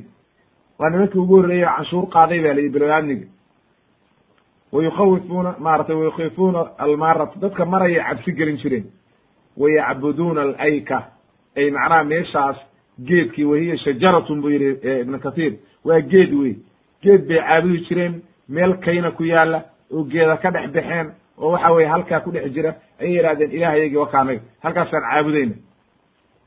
Wa kaanuu min aswa'i innaasi mucaamalatan dadka aad u xun bay ahaayeen oo mucaamalada dadka markay wax ka gadanayaan khiyaamaya oo waxa weye mucaamalo xun bay samayn jireen. Yabkhasuuna almikyaala. Waxa ay khiyaami jireen oo nusqaamin jireen. Miisaan wixi ay ay beegayaan ayay nusqaamin jireen. Iyo walmiisaan miisaankii way maaragtay wayudafifuuna way nusqaamin jireen fiihima weylu lilmudafifiin ilahay meeshuu ku soo dejiye o kale wey. Macnaha qofka nusqaaminaya intuu dadkii wax u beegayo oo wax nusqaaminaya waa khatar wey. Leanno cadaab adag baa ku soo arooray waa arrin aad iyo aad u khatara ya'khuduuna bizaa'id wayadfacuuna binnaaqis. Waxa ay iyagu dadka ka soo qaadan jireen markay dadka ka beeganayaan wax zaa'ida markay dadka u beegayaanna way nusqaamin jireen. Maxay tahay? Marka see arrintaasi tahay. Qofkii ganacsiga soomaaliya ku dhex jiri jiray ayaa garanaya arrinta. Soomaaliya waxay samayn jireen ganacsatadu qofka raashinka iyo beega oo waxa weeye burka iyo raashinka iyo gedi jiray waxay samaynayaan laba koombo ayuu samaysanaya. Koombo intuu hoos u riixo oo waxa weeye salkii uu weyneeyo ayuu markuu qofka isagu kaga soo beeganayo koombadaasuu ku soo beeganayaa waana isku shacaynayaa markii uu xoog buu ugu dhufanayaa oo wuxuu leeyahay si fiican u buuxi. Masalan kuwii caanaha gedi jiray oo kale saasay ahaayeen. Koombada caanaha qofkii markuu baadiyaha ka keena caanihii dumarkii caanaha gedi jiray caanihii markay weelba inta u dhigto ayay leedaha naa buuxi koombada ilaa ay ka daadato oo waxa weye horta koombadii inta buuxsanto caanihii daataan oo weelka hoose ku daataan kama joojin jirin. Si fiican u buuxi bay leedahay afka buuxi. Hadhow markay qofka iyada u beegeysana oo waxa weye ay qof ka iibinaysana haaf bay ka dhigaysaa. Afkii o dhan oo bannaan oo ayna waxba buuxin bay qofkii ugu shubaysaa. Tabtaasoo kale ay ahaayeen marka reer qowm madiin. Saasoo kale ay samayn jireen. Waa ficilkii ay samayn jireen baynu inagu hadda samaynaa marka haddii maanta rasuul aynoo soo diri lahaa sidaanoo kalea lainooga naayilah oo la oran lahaa maaragtay awful keyla walmiisaan leannahu maanta inagu labadiiba waynu samaynay marka waxay samayn jireen kuwa raashinka beegayana saas oo kale. Koombadii markay qofka koombada ay ugu beegayaanna salka inta ka soo shaceeyaan oo kor u soo riixaan bay koombo yaroo khafiifay ka dhigi jireen. Markaasi waxa weye markay darayaanna tartiib inta u soo daraan masalan burka oo kale saasuu u soo darayaa hal mar ma shacaynayo oo xoog ugu riiximayo hal mar buu iyadoo waxa weeye dhexda ka maran buu ugu shubayaa qofkii. Markuu isagu ka soo shubanayana waa ku shacaynaya waa ku riixaya si fiican buu ubuuxinaya haddaba wixii ay samayn jireen maanta waynu samaynaa oo waxa weye waynu ku dhex jirnaa. Waxyaalaha la miisaamayana saas oo kale ahay. Kafadii baad arkaysaa dhanka uu miisaanka ka saarayo maahe dhankii kaleu wax ku xirxiraya. Si isla markiiba markuu xoogaa ugu shubo ay miisaankii xagga hoos ugu ordo. Haddaba marka masiibadii ay samayn jireen oo dhan baynu maanta samaynaa ilaahay hanaga badbaadiyo. Waxyaalaha maanta masiibada inoo keenay oo aynu u hagaagi laanahay oo waxa weeye mashaakilka keenayna waa toobad la'aanta aynu ka toobad weyn aan ka toobad keeni weynay waxyaalaha noocaas. Waxau yihi marka shucayb ibn kathir raximahullah fabacatha allahu ilahay wuxuu u diray shucayban calayhi salaam fadacaahum ila cibaadati illah nabiyullahi shucayb baa loo diray markay xumaantoodii badatay oo dhibaatadoodii badatay oo shirki ay ku jiraan oo dhibaatoo dhan ay samaynayaan. Bal innagii oo muslima marka baa intii ay samaynayeen samaynayna iyagu gaalay ba ahaayeen shirki bay samaynayeen oo waxa weye waxaan waxaaba la dhisidhi karaa waxa weye waa dad wareersan laakiin innagii oo muslima oo waxa weye dhahayna muslimiin baa nahay baynu intii ay samayn jireen baynu samaynayna. Waa arrin aad iyo aad u khatara wey wuxuu yidhi marka wanahaahum an can hadihi alafaaciil alqabiixa min baksi nnaasi ashyaahum wa waxa ay ka naahiyeen wuxuu ka naahiyey nabiyullahi shucayb inay dadka xoolahooda u dhamays inay ka nusqaamiyaan iyo inay dadka cabsi geliyaan. Maantana innaga sidii baynu nahay. Dariiq aad maanta mari kartid ma jiro. Dariiq walba waxa lagu leeyahy qudaacu dariiq baa taagan. Iyo waxa weeye waxaan loo baahnayn. Iyo waxa weeye mashaakil. Iyo dad inta dariiqay galay jidkii goynaya. Wixii o dhan maanta waa ina haysataa waxay kaloo samaynayeen inay canshuur dadkii ka qaadaan oo waxa weye xoolahoodii ka qaadaan. Innaguna maanta sidii baynu nahay. Canshuur baa saa loo daldalaya oo waxa weeye ilaahay laga baqi mayo intaa canshuur baa dadkii laga gurayaa iyo waxa weye waxaan banaanayn oo xaaraama ayaa dadkii o dhan laga qaadaya. Sidaa daraaddeed ayuu wuxuu u sheegay oo wuxuu yidhi war ilaahay ka baqa marka. Markaasaa fa aamana bihi bacduhum qaar baa rumeeyey marka wa kafara aktaruhum intoodii badnayd waa gaalowday. Oo waxa weye waa diideen inay rumeeyaan oo gaalnimay ku adkaysteen. Ilaah waxa weye ciqaabkii ilaahay u yimid. Waatuu ilahay laha aayadda qur'aanka walaa madyana akhaahum shucayba.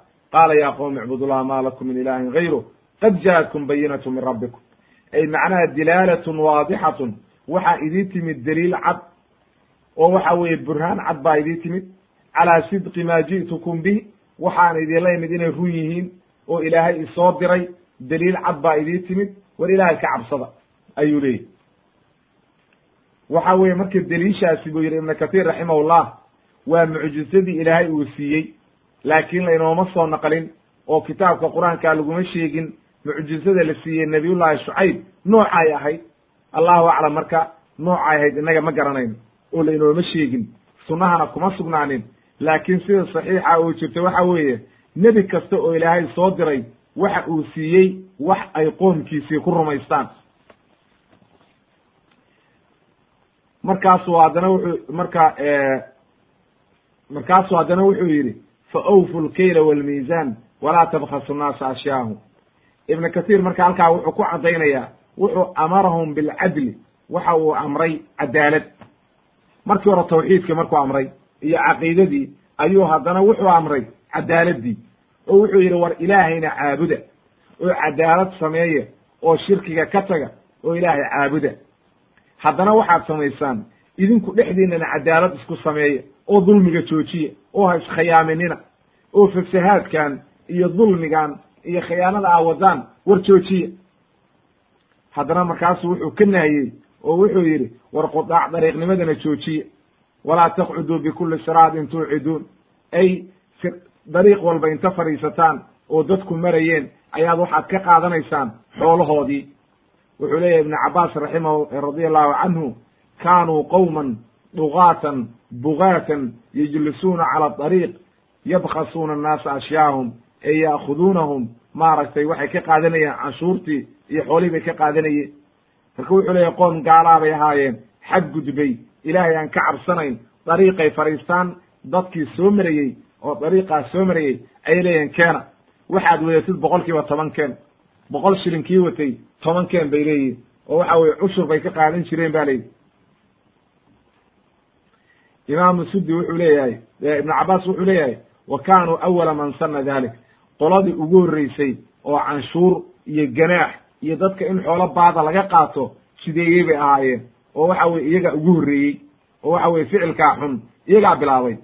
Meeshii qoomuluud ay ka bilaabeen ficilkii xumaa oo liwaadka ahaa iyaguna waxay bilaabeen inay dadka baadaan. Waa labada maanta dadka lagu halaagay wey. Labadaa waxyaaloodba maanta waa yaaleen dadkiina in xumaantaa laga celin laayahay qaarna laga celin laayahay inay waxa weye dadkii ay baadayaan oo xoolihii ka qaadanayaan oo ina ilaahay ka cabsanaynin. Canshuurtii ken buu ku leey waad arkaysaa masalan soomaalideenna oo kale mid waxa weeye dhar yara gadanaya oo wax wareejinaya mid canshuur qaadaha ka laalaada. Ken buu leey haddii kale waxa weye dhaqaaqi maysid waxba gedi maysid. Haddii kale ken waxa weye canshuurtii maalin walba taagan. War ma haystee orad iga tag. War waxba iima gadmin. Ayuu leeyahy habar yaanya gadanaysa ag taagan yihiin. Oo wuxuu leeyahy ken canshuurtii. Haddaba marka waxaasoo dhan waxay kutusaysaa dulmiga iyo mashaakilka iyo dhibaatada ay leedahay dadka xoolahooda in dulmi lagu qaato.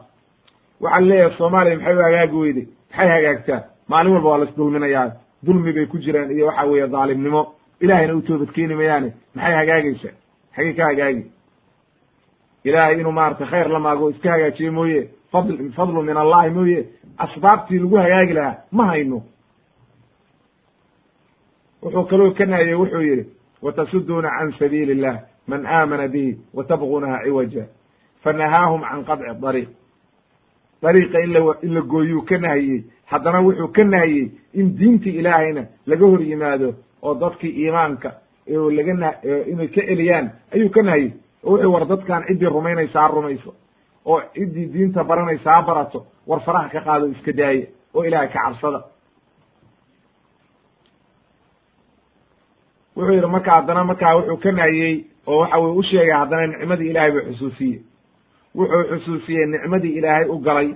Ilaahay waa badiyey. Qabiil dhan buu ka dhigay. Awood buu siiyey. Dhul buu siiyey. Way degeen. Amni bay ku jiraan. Wanaag bay haystaan. Markaasay waxa weeye ay dulmi samaynayaan oo dhibaato samaynayaan. Marka nicmada ilaahay haddii aad xusuusatid akhilmuslim oo ukhtilmuslima waxay kugu bixinaysaa inaad ilaahay u shukri naqdid laakiin haddaadan nicmadii ilaahay xusuusan nicmada ilaahay ku siiyey mar walba aad eegtid waxa adiga kaa maqan. Haddaad eegtid waa mashaakil wey nebiguna calayhi salatu salam xadiis saxiixa ka sugnaaday uu leeyahay unduruu man huwa asfala minkum walaa tanduruu man huwa fawqakum. War eega dadka idinka liita. Oo waxa weeye haddii caafimaad aad ka eeg sheeganaysid ood xanuunsan tahay bal waxaad eegtaa inta kaa liidata dhakhaatiirta tag iyo meelaha isbitaallada bal dadka liita eeg.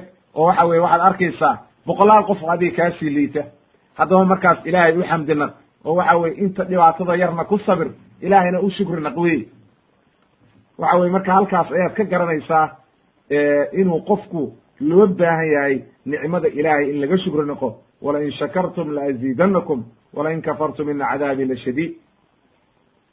Wuxuu ku booriye wuxuu yidhi war nicmada ilaahay eega oo nicmadii ilaahay intaad eegtaan ilaahygii ida badiyey. War u shukri naqa ilaahay oo ilaahay nicmadii ha idiin ziyaadiye ilaahay u shukri naqa oo dhibaatadan iska daaya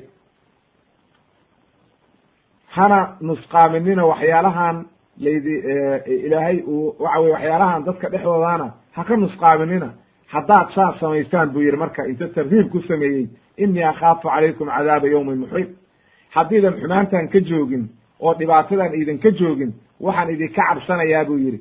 Cadaab iyo mashaakil aad ku dhacdaan oo waxa weeye idin dhibaateeya ayaa idinka cabsanaya. Fanahaahum awalan markii ugu horreeyey wuxuu ka nahiyey inay waxa weye horta dadkii nusqaamiyaan oo xoolahoodii dadka ay ka nusqaamiyaan oo miisaankii ay dhimaan.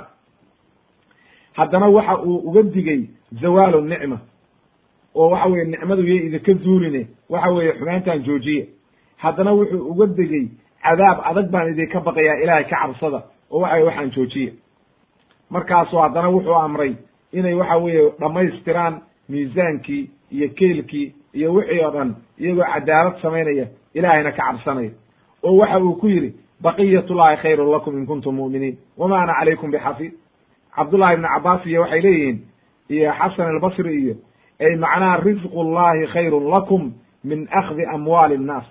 Risiqa ilaahay ida siiyey iyo nicmada ilaahay ida siiyey iyo barwaaqada ilaahay idii galay ayaa idinka khayr badan inaad dadka xoolahooda qaadataan. Marka maxaad dadka xoolahooda ku falaysaan wey war dadka xoolahooda iska daaya oo ilaahay ka cabsada oo risaaqadaa ilaahay ida siiyey ku raaxaysta oo waxa weye waxaan joojiye wey oo waxa weye dhibaatadan joojiye ayuu leeyahy ibnu jariir wuxuu leeyahay isaguna macnaha waxaa loola jeedaa baqiyatullahi khayrun lakum ee macnaha haddaad ganacsi ku jirtid adoon dadkii khayaamin waxa faa'iidadaa oo ilaahay ku siiyey.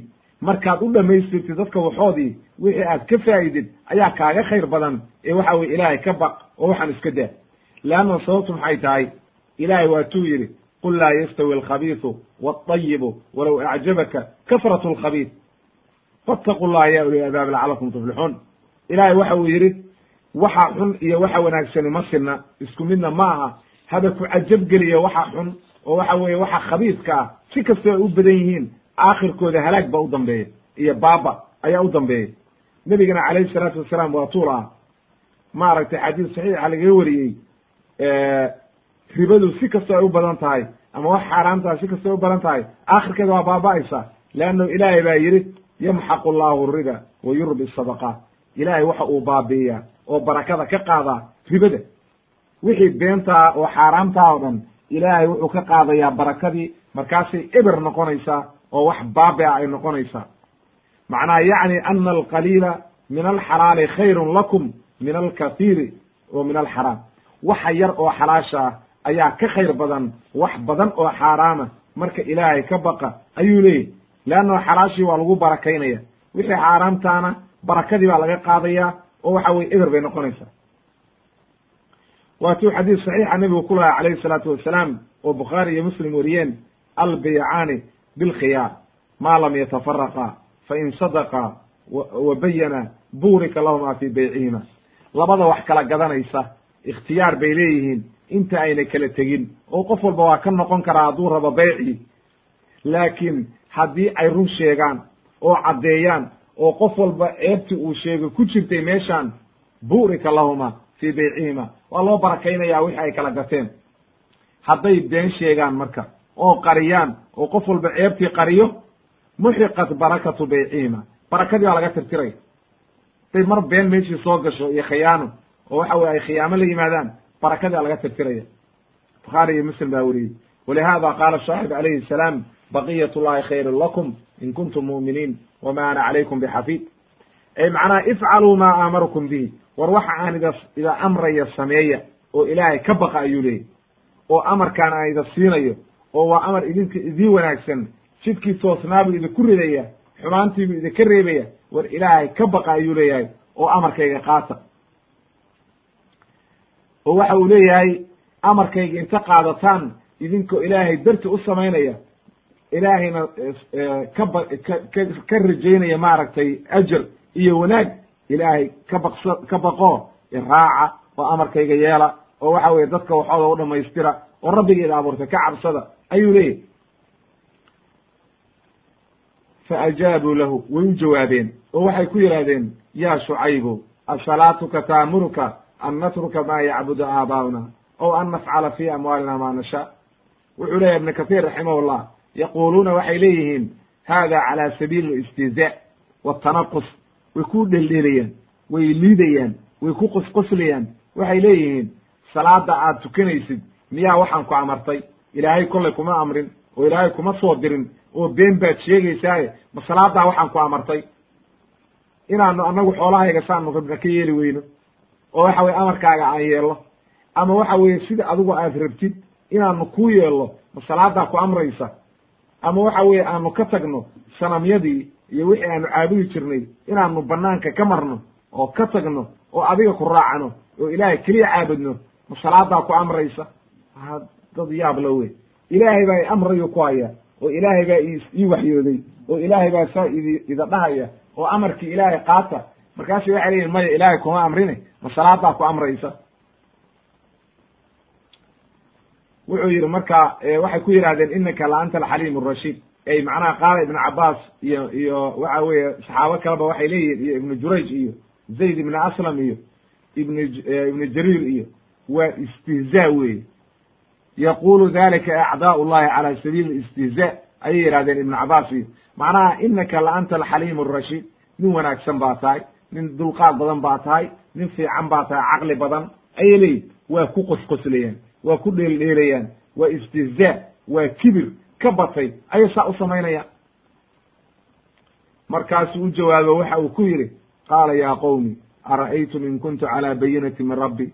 Qoomkaygiyow ka warrama haddii aan ku sugnahay calaa bayinati min rabbi oo ilaahay waxa weeye uu wax cad i siiyey aayado cadcad i siiyey ilaahay ii waxyooday rasuul aan ahay bal ka warrama xaaladda idinkana aad saa igu dheeldheelaysaa warazaqanii minhu risqan xasana wma uriidu an nukhaalifakum ila ma anhaakum canhu ila aakhir alaayaat wuxuu yidhi ibnu kahiir raximah llah wa hada talatufun macahum fi lcibaara taasi waxa weeye oo uu saa u leeyahay cibaaradiibu u fududaynaya iyaguna waa ku adkaynaya qoom walba waa saas qoom walba nebigooda waxay rabaan inay cibaarada ku adkeeyaan marka ay la hadlayaan ereybe erey intuu ka xun yahay bay dhahayaan nebi walbana wuxuu isagu dhahayaa ereybe erey intuu ka fiican yahay leannahu nebigaani wuxuu og yahay waxa ilaahay agti yaalla aakhire waxa yaalla.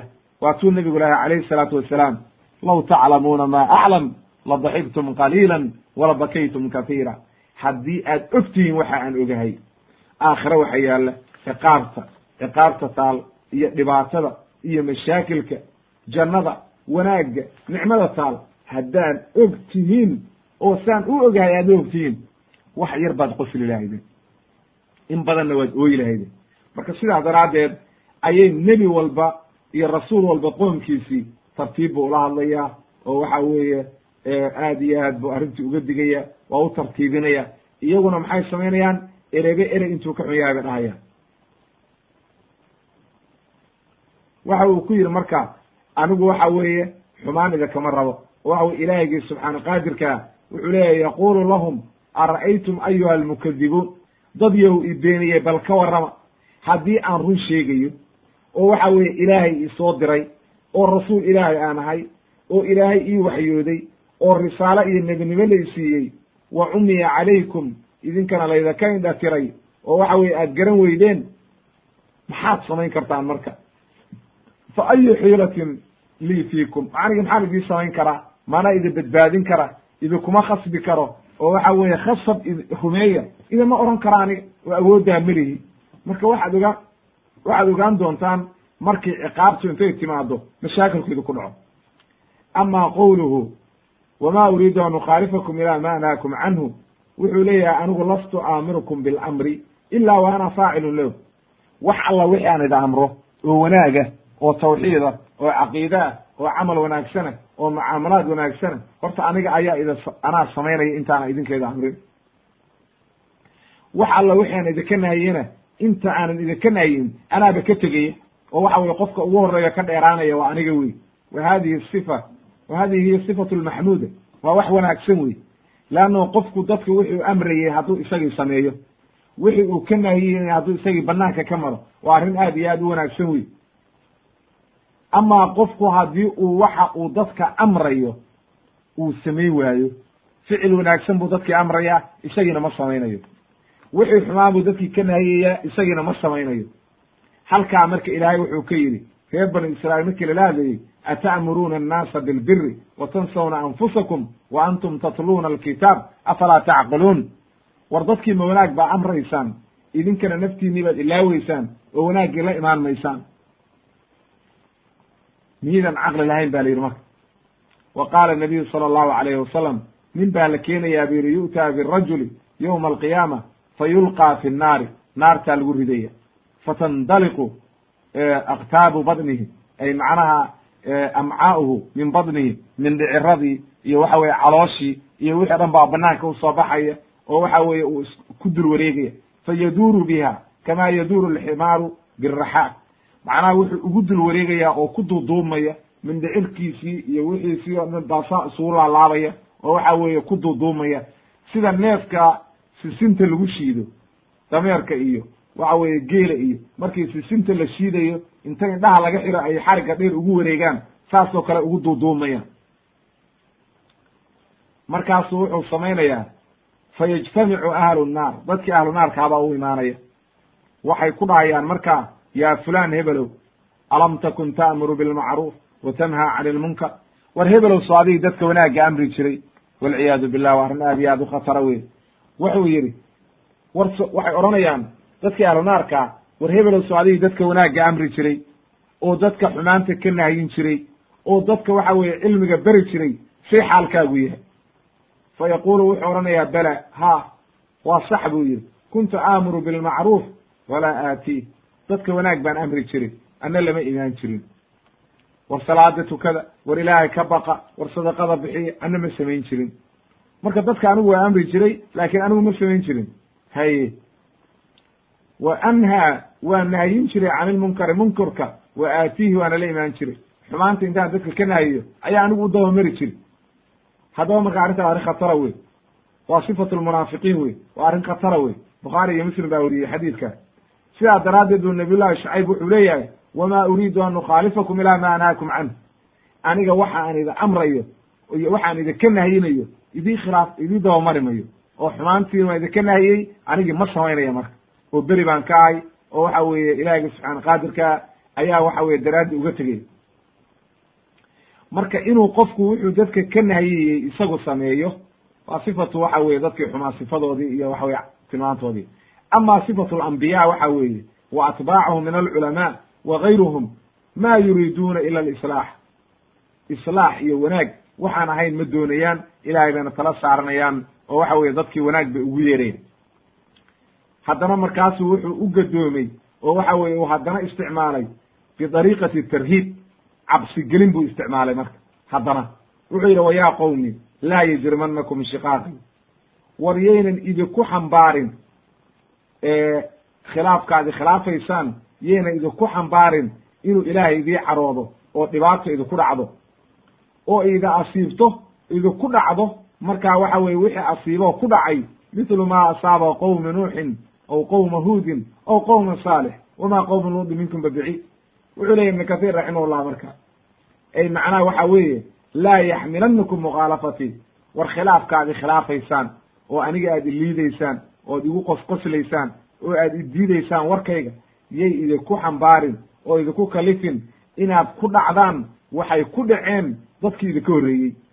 Markaad dunuubtan joogtaysaan oo aad diidaan inaad ilaahay rumaysaan hadda waxaa idinku dhacaya markaa oo idinku idinkana sidii oo kale xalaal idinku noqonaya ciqaabkii ilaahay baa ilahay idiin soo diraya waana layda dabar goynaya waana layda baabiinaya markaa. Wama qowma luudi minkum bibaciid ay macnaha fi zamani waa idiin dhowye. Waktigiina waa idiin dhow yahay makaanka iyo booska na waa idiin dhowda oo waxa weeye meeshii ay deganaayeen oo baxru meyit waatuu ibnu kathiirina lahaa aynu soo sharaxnay markii hore inay waxa weeye isku dhowaayeen oo baxru meyit meesha la yidhaahdo oo ay reer luud deganaayeen inay u dhowaayeen iyaguna oo markii qoomuluud la halaagay inay waxa weeye wax yar kabacdiba ay soo faafeen oo ay yimaadeen oo waxa weye iyagu ay abuurmeen. Leanna waxaynu niri oo waxa weeye la soo guuriyey sida xaafid maaragtay ibn casaakiriyo in waxa weeye awowada uu u yahay maaragtay nabiy llahi luut calayhi salaam shucayb inuu awowada u yahay oo gabadhiisii dhashay ama gabadhiisii ayeeye u tahay marka waa wakti isku dhowa oo aad iyo aad isugu dhow weye marka sidaas daraaddeed bu wuxuu leeyahay wardadiyo waxa aad samaynaysaan khilaafka aniga aad ikhilaafaysaan canaadka aad aniga i cadaanaysaan oo waxa weeye aad aniga igu cariiqsanaysaan waxaan yeenan idinku kalifin oo idinku noqonin inay waxa weye idinku dhacdo wixii ku dhacay reer qoomu nuux. Sidii loo galay waa ogeydeen. Biyaa lagu harqiyey duufaan baa ku dhacday eber baa laga dhigay. Reer huud waa ogeydeen. Qowmu huud reer caad nimankii xoogga badnaa oo awoodda lahaa sidii loo soo galay waa garanaysaan eber baa laga dhigay. Reer saalex waad garanaysaan reer thamuud nimanki waxa weye qowmu saalix waa reer thamuud wey waa la halaago waad garanaysaan.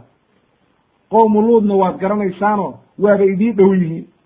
Oo waxa weye iyaga si fiican baadba taariikhdooda u haysaan. Oo waxa weye dhulkiina waa idii dhow yahay. Oo meel dhow bay ahaayeen waa guryahoodii lagu halaagay waa idinku dhow yahay.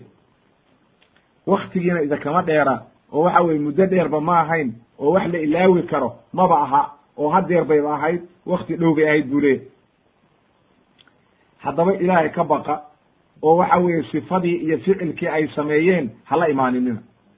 Leanno haddii aad la timaadaan wixii ay samayn jireen xumaantii ay samayn jireen dulmigii ay samayn jireen haddaad la timaadaan sidii iyaga loo cadaabay oo loo baabi'iyey ilaahay buu idii cadaabaya ilahay iyadana idinkeeda kama jecla. Leanno ilaahay qofka wuxuu ku jeclaadaa waa camal saalixa iyo iimaan saxiixe ilaahay qofka kuma jeclaado waxa weeye reer hebel baan ahay iyo waxa weeye halkaanaan deganahay midna lagugu jeclaan mayo. Haddaba marka ka cabsada buu leeyahay ilahay inta ka cabsataan ficilkoodii ha samaynina oo ilahay ka baqa. Haddana markaasu wuxuu isticmaalay bidariiqati tarkiib inuu jeclaysiiyo jannada iyo wanaagga iyo nicmada ilaahay agti taal. Intaasoo dhan dacway ka tahay oo waxa weye hadba dariiq buu uga imaanaya oo hadba meel buu ka soo gelaya ayuu waxa weeye ku dadaalaya. Waxa uu ku yidhi markaa wastakfiruu rabbakum uma tuubuu ilayh. Ina rabbii raxiimu waduud war ilaahay u dembi dhaaf weydiista. Wastakfiruu rabbakum. Ilaahay dembi dhaaf weydiista. Oo waxa weeye dembigan aad gasheen oo faraha badan soo noqda. Oo waxa weeye ilaahay uga soo noqda. Oo dembi dhaaf ilahay weydiista. Uma tuubuu ilayh. Una toobad keena. Oo dembi ilaahay u toobad keena. Ina rabbii ilaahaygii abuurtay raxiimun waa mid raxiima wey waduudun oo jecel waxa weye qofkii u toobad keena wuxuu yihi marka ibnu kathiir raximahullah wuxuu leeyahay war dembigan ka dhex baxa. Oo waxa weye dunuubtan leannahu min shuruudi tawba waxaa ka mid ah aliqlaacu can dembi dembigii in laga dhex baxo oo dembigii laga baxo ayaa ka mid a tawbadda ilaahayna u toobad keena fa inahu man taaba la taaba man taaba taaba allahu caleyh qofkii toobad keena ilahay waa ka toobad aqbala marka axaadiis badan baa ku sugnaatay kullu ibni aadam khada wa khayru lkhadaa'ina tawaabuun. Iyo waxa weeye xadiidka kaleo nebigu lahaa maaragtay attaa'ibu min adembi kama laa dembe leh war ilaahay marka u toobad keena oo ilaahay u soo noqda oo waxa weeye dulmigan iyo dhibaatadan ka soo noqda ayuu leeyahy wuxuu yidhi marka alraxiim bicibaadihi ay macnaha arxamu bihim min alwaalidati biwaladiha. Ilaahay wuxuu qofka bilo-aadmiga uga naxariis badan yahay. Waxa weeye hooyadii iyo tii dhashay aabihii kulli ilaahay baa ka naxariis badan. Leanno ilaahay waa ku abuurtay. Addoon ilaahay uu abuurtay baa tahay. Ma rabo inuu waxa weeye maa yafcalu llahu bicadaabikum ilaahay ma rabo inuu idin cadaabo oo dhibaato idinku sameeyo. Haddii waxa weeye idinku idin gaaloobin oo dhibaato la imaanin. Marka qofku isagaa naftiisa halaagaya oo mashaakilka la imaanaye ilaahay ma rabo inaa waxa weye dhibaata idinku dhacdo. Sidaa daraaddeed ayuu wuxuu leeyahay war ilaahay u toobad keena oo ilaahay u soo noqda oo ilaahay ka cabsada. Alwaduudu ay alxabiib. Ilaahay waa xabiib raxiima oo jecel qofkii u toobad keena una to kana toobad aqbalaya. Walow bacda tawbati min almuubiqaati alcidaam dembiyada waa weyn xataa hadduu qofku ka toobad keeno ilaahay waa ka aqbalaya. Marka sidaa daraaddeed waxa weeye ilaahay agtiisa dembi kasta oo laga toobad keeno ilaahay waa aqbalaa toobaddana waa aqbalaa inahu huwa tawaabu raxiim awalam yaclamuu ana allaha huwa yaqbalu tawba? Ilahay toobadda waa aqbalaa. Qul ya cibaadiya aladiina asrafuu calى anfusihim laa taqnuduu min raxmat illah ina allaha yakfiru dunuuba jamiica ilaahay dembiyadoo dhan waa dhaafaa waana toobad aqbalaaye. War ilaahay ha ka quusanin oo naxariista ilahay ha ka quusanin oo ilaahay u toobad keena ayuu leeyahy faajaabuu waxay ugu jawaabeen lahu qaaluu waxay dhahan yaa shucaybu maa nafqahu katiira mima taquul wa innaa lanaraaka fiina daciifa walowlaa rahduka larajamnaaka wamaa anta calayna bicaziiz wuxuu leeyahy ibnu katiir raximahullah hada min kufrihim albaliid wa cinaadihim ashamiic xaytu qaaluu maa nafqahu walaa nacqilhu waxaan aad sheegaysid ma garanayna bay dheheen mana fahmayno sababtu maxay tahay waa gaalnimo iyo cinaad ee way fahmayaan. Maxay la fahmi waayeen. Hooyii aabbaa wada dhalay waa isku qabiil waa isku dad meel bay wada degan yihiin hal luuqad bay ku wada hadlayaan. Ma isagaa luuqad kale ku hadlaya kuma hadlayo. Ee waxa weeye waxaasoo dhan waa canaad iyo kufrinimo iyo gaalnimo wey kuma afgaranayno. Hadeerna soomaalida waa tabtii. Haddii aad waxa weeye aad u sheegtid oo waanisid waniba aniga waxaan aad sheegaysid garan maayo kuleeyahay ee igala tag. Waa tabtii wey wax ay ku kala duwan yihiin ma jirto hay soomaalidu mahmaahda gaalnimada ay ku maahmaan oo yidhaahdaan afarka iyo boqolka iyo tobankaan aqaana ka akrisan maayaa ka adag. Bay leeyihiin balfis maahmaadaa waxa weeye kufriga. Waa maahmaha aad u xun wey leannahu qofku hadduu ku yihi qur'aankii baan aqaanaa oo uu kuugu yeeray oo kugu dul akriyey waxay yidhahdeen intaasoo dhan waxaa ka adag kaa dhegaysan mayo kaana akrisan mayo. Hay waa kuwan iyagiina waxay leeyihiin qom qowm shucayb waxay ku leeyihiin nebi shucayb ma nafqahu katiiran mima taquul ma garanayno annaga waxa ad sheegaysa mana ku fahmayno turjumaan ood inoo ke hay war waad fahmaysaan waxaana canaad iyo gaalnimayda ka tahay iyo waxa weeye canaad haddaad marka qasasul ambiyaa dhooxdid oo fiirisid oo erey erey u istaagtid erey walba oo dadkii hore samayn jireen dadka maanta joogana waa laga helaya walow islaam ba ha sheegteen waa wax aad iyo aad u cajiibo wey inna lilahi wa inna ilayhi raajicuun ilahu rabbi o maarata naga badbaadi liannahum laa yuriiduuna an yuuminuu ma doonayaan inay rumeeyaan sidaa daraaddeed ayay qurayshna ku tiri nebiga calayhi salaatu wasalaam wa qaaluu quluubuna fi akinati mima tadcuuna ilayh wa fi aadaanina waqrun wa min baynina wa baynika xijaabun facmal inana caamiluun tabtaasay qurayshna nebiga ugu jawaabtay calayhi salaatu wasalaam oo waxay yidhahdeen wallahi dhagahayaga waxaan aad sheegaysid ma gelayaan akinna dhagahana daboolan annaga ma gelayaan waxaan. Waxaan aad dadka ugu yeeraysid annaga ma garanayno. Oo dhegahayagii iyo waxa weye qam weye qalbigii waa daboolanya oo qalbigii waa qofulanya dhegihii waa xiran yihiin. Mana fahmayno oo waxa weeye adigana waxaa rabta samey annagana waxaa rabnaan samaynaynaa faraha naga qaad. Xijaab baa noo dhexeeye waa xijaab alkufri wey gaalnimaa udhexaysa oo qofkaani hadduu qalbiga gaalnimo gashaday oo ku talagalay inuu gaalnimo maaha wax kale ayna gelin haddii xijaab baa saaran wey waatuu ilaahay aayado badan ku lahaa. Khatama allahu calaa quluubi.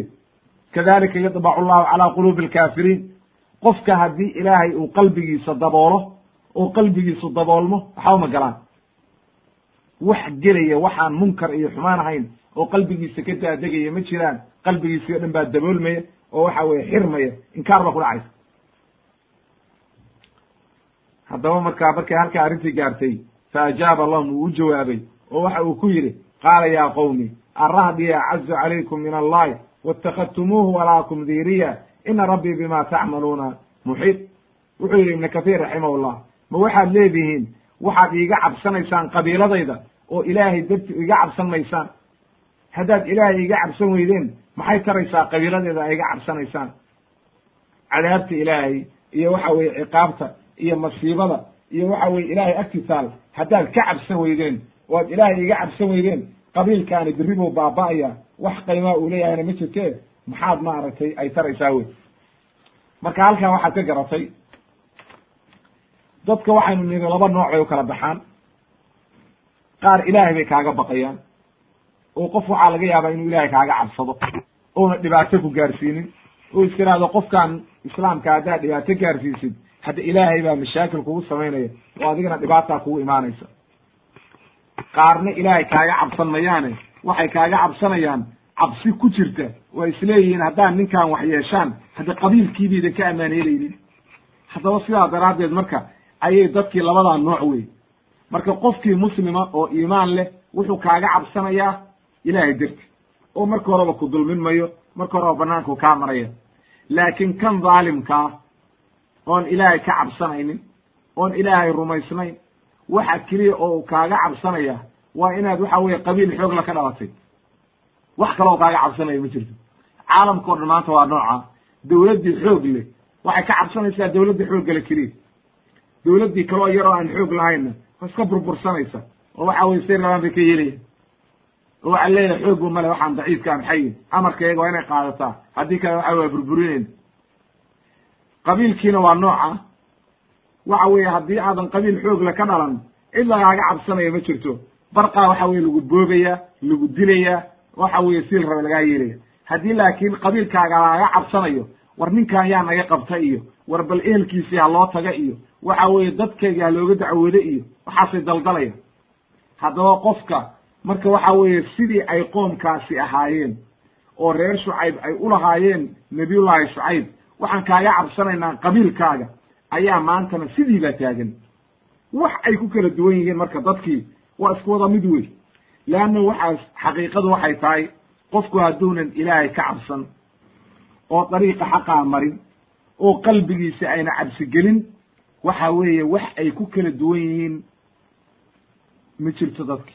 Waa isku wada mid wey meeshaan waxa weye below aadmigu waa isku caqli waa isku fidro waa isku abuur meel baa laga wada yimid kullukum banu aadam wey marka isku siday ufakeraya midda kale haddii dadkii shaydaan baa ku adeeganaya oo waxa weye shaydaankiiba meesha ku jira oo si isku si ugu waxyoonaya xumaantii uuda sheegay. Haddaan marka ilaahay uunan qofku ka cabsanaynin wax kaa celinaya male caqli kaa celinaya ma jiro. Ilaa waxa weye inuu qabiilkaaga baqa mooye. Sidaa daraaddeed ayuu nebigu wuxuu yidhi calayhi salaatu wasalaam. Nebi nebi bacda nabiyullahi luud calayhi salaam wixii ka dambeeyey nebi kasta waxaa loo diraa qabiilkiis. Waxaa laga soo dhex saaraa qabiil xoog leh oo looga cabsanayo. Marka nebi maxamed calayhi salaatu wasalaam oo waxa weye lagu khatimay rusushii oo dhan waxaa lagu khatimay waxaa laga soo saaray quraysh wey weliba reer benu haashim oo waxa weye nimankii waxa weeye madaxda quraysh ahaa oo waxa weeye ashraafu quraysh ahaa oo laga cabsan jiray oo laga dambeeyey. Abu aalib iyo awowgiis maaragtay cabdulmutalib iyo rag laga dambeeyay ahaayeen oo waxa weeye laga cabsanayo. Oo aan lagu degdegi karin. Ayay ahaayeen. Sidaa daraaddeed marka ayaa dhaqanka carabtao dhan baa nooca ahaa iyo jaahiligii oo dhan qofka in qabiil lagu qaymeeyo. Maantana innaga soomaalidu waa tabti qofka qabiil baa lagu qaymeeya. Ninkii reer xoogla ka dhashay war ninkaa inagu taabaninaa laleeyahy reer hebel baa inagu soo duulaya haddaan ninkaa dhibaato ku samayno ninkii miskiin oo waxa weeye aan qabiil xoogla ka dhalanna waa la iska burbursanayo haddaba marka waa inaad ogaato qof walbow ama qabiil ku faan ama qabiil xoogla ka dhalo waa inaad ogaatid ilaahay baa wax walba ka xoog badan. Wax walba ilaahay baa ka xoog badan. Oo awoodda qabiilkan la siiyey ilaahaygii abuuray oo siiyey ayaa ka xoog badan waa inaad ogaatid wey reer caad markay yidhaahdeen man ashaddu mina quwa yaa naga xoog badan. Ilahay wuxuu ku yidhi awalam yarow ana allaha aladii khalaqahum wa ashaddu quwa miyaynan u jeedin allihii iyaga abuuray oo xoogga siiyey oo qabiilada xooggala ka dhigay leanna waatuu yidhi ilaahay lam yukhlaq mitluha fi lbilaad iyagoo kale lamaba abuurinba marka qabiil maanta ma imaanayo ka xoog badnaa reer caad ma imaanayo leanna ilahay wuxuu yidhi iyagoo kale lamaba abuurin oo qabiil xoog badan bay ahaayeen haddaba marka ilaahay wuxuu yidhi awalam yarow ana allaha aladii khalaqahum huwa ashaddu minhum quwa miyaynan u jeedin ilaahaygii iyaga abuuray inuu ka xoog badan yahay. Haddaba ninkii maanta qofkii qabiil ku faamayo waa inaad ogaatid ilaahigii subxaana qaadirkaa ayaa kaa xoog badan kuna baabi'inaya. Haddaad dadka ku baabi'inaysid reer hebelo xooglaan ka dhashay oo waxa weeye kan miskiinkaa oo aan qabiil xoogla ka dhalan baa isaga tumanaya waa inaad ogaatid waa lagu imtixaamaya o imtixaane leanna sababta waxaa looga dheliyay ninkaana qabiilka yarka ah adigana xoogga lagugu yeelay waa imtixaana wey waa laydinku imtixaamaya markaasuu nabiyullahi shacayb wuxuu leeyahay arrahdi acazu calaykum min allah war ma qabiilkayga iyo reerka aan ka dhashay miyaa waxa weye ida kala sharaf ron oo aad ka baqaysaan ilaahayna ka cabsan maysaan xaggee ilahay uga cabsanaya hadday ilahay ka cabsanayaan miyay waxaa samayn lahaayeen?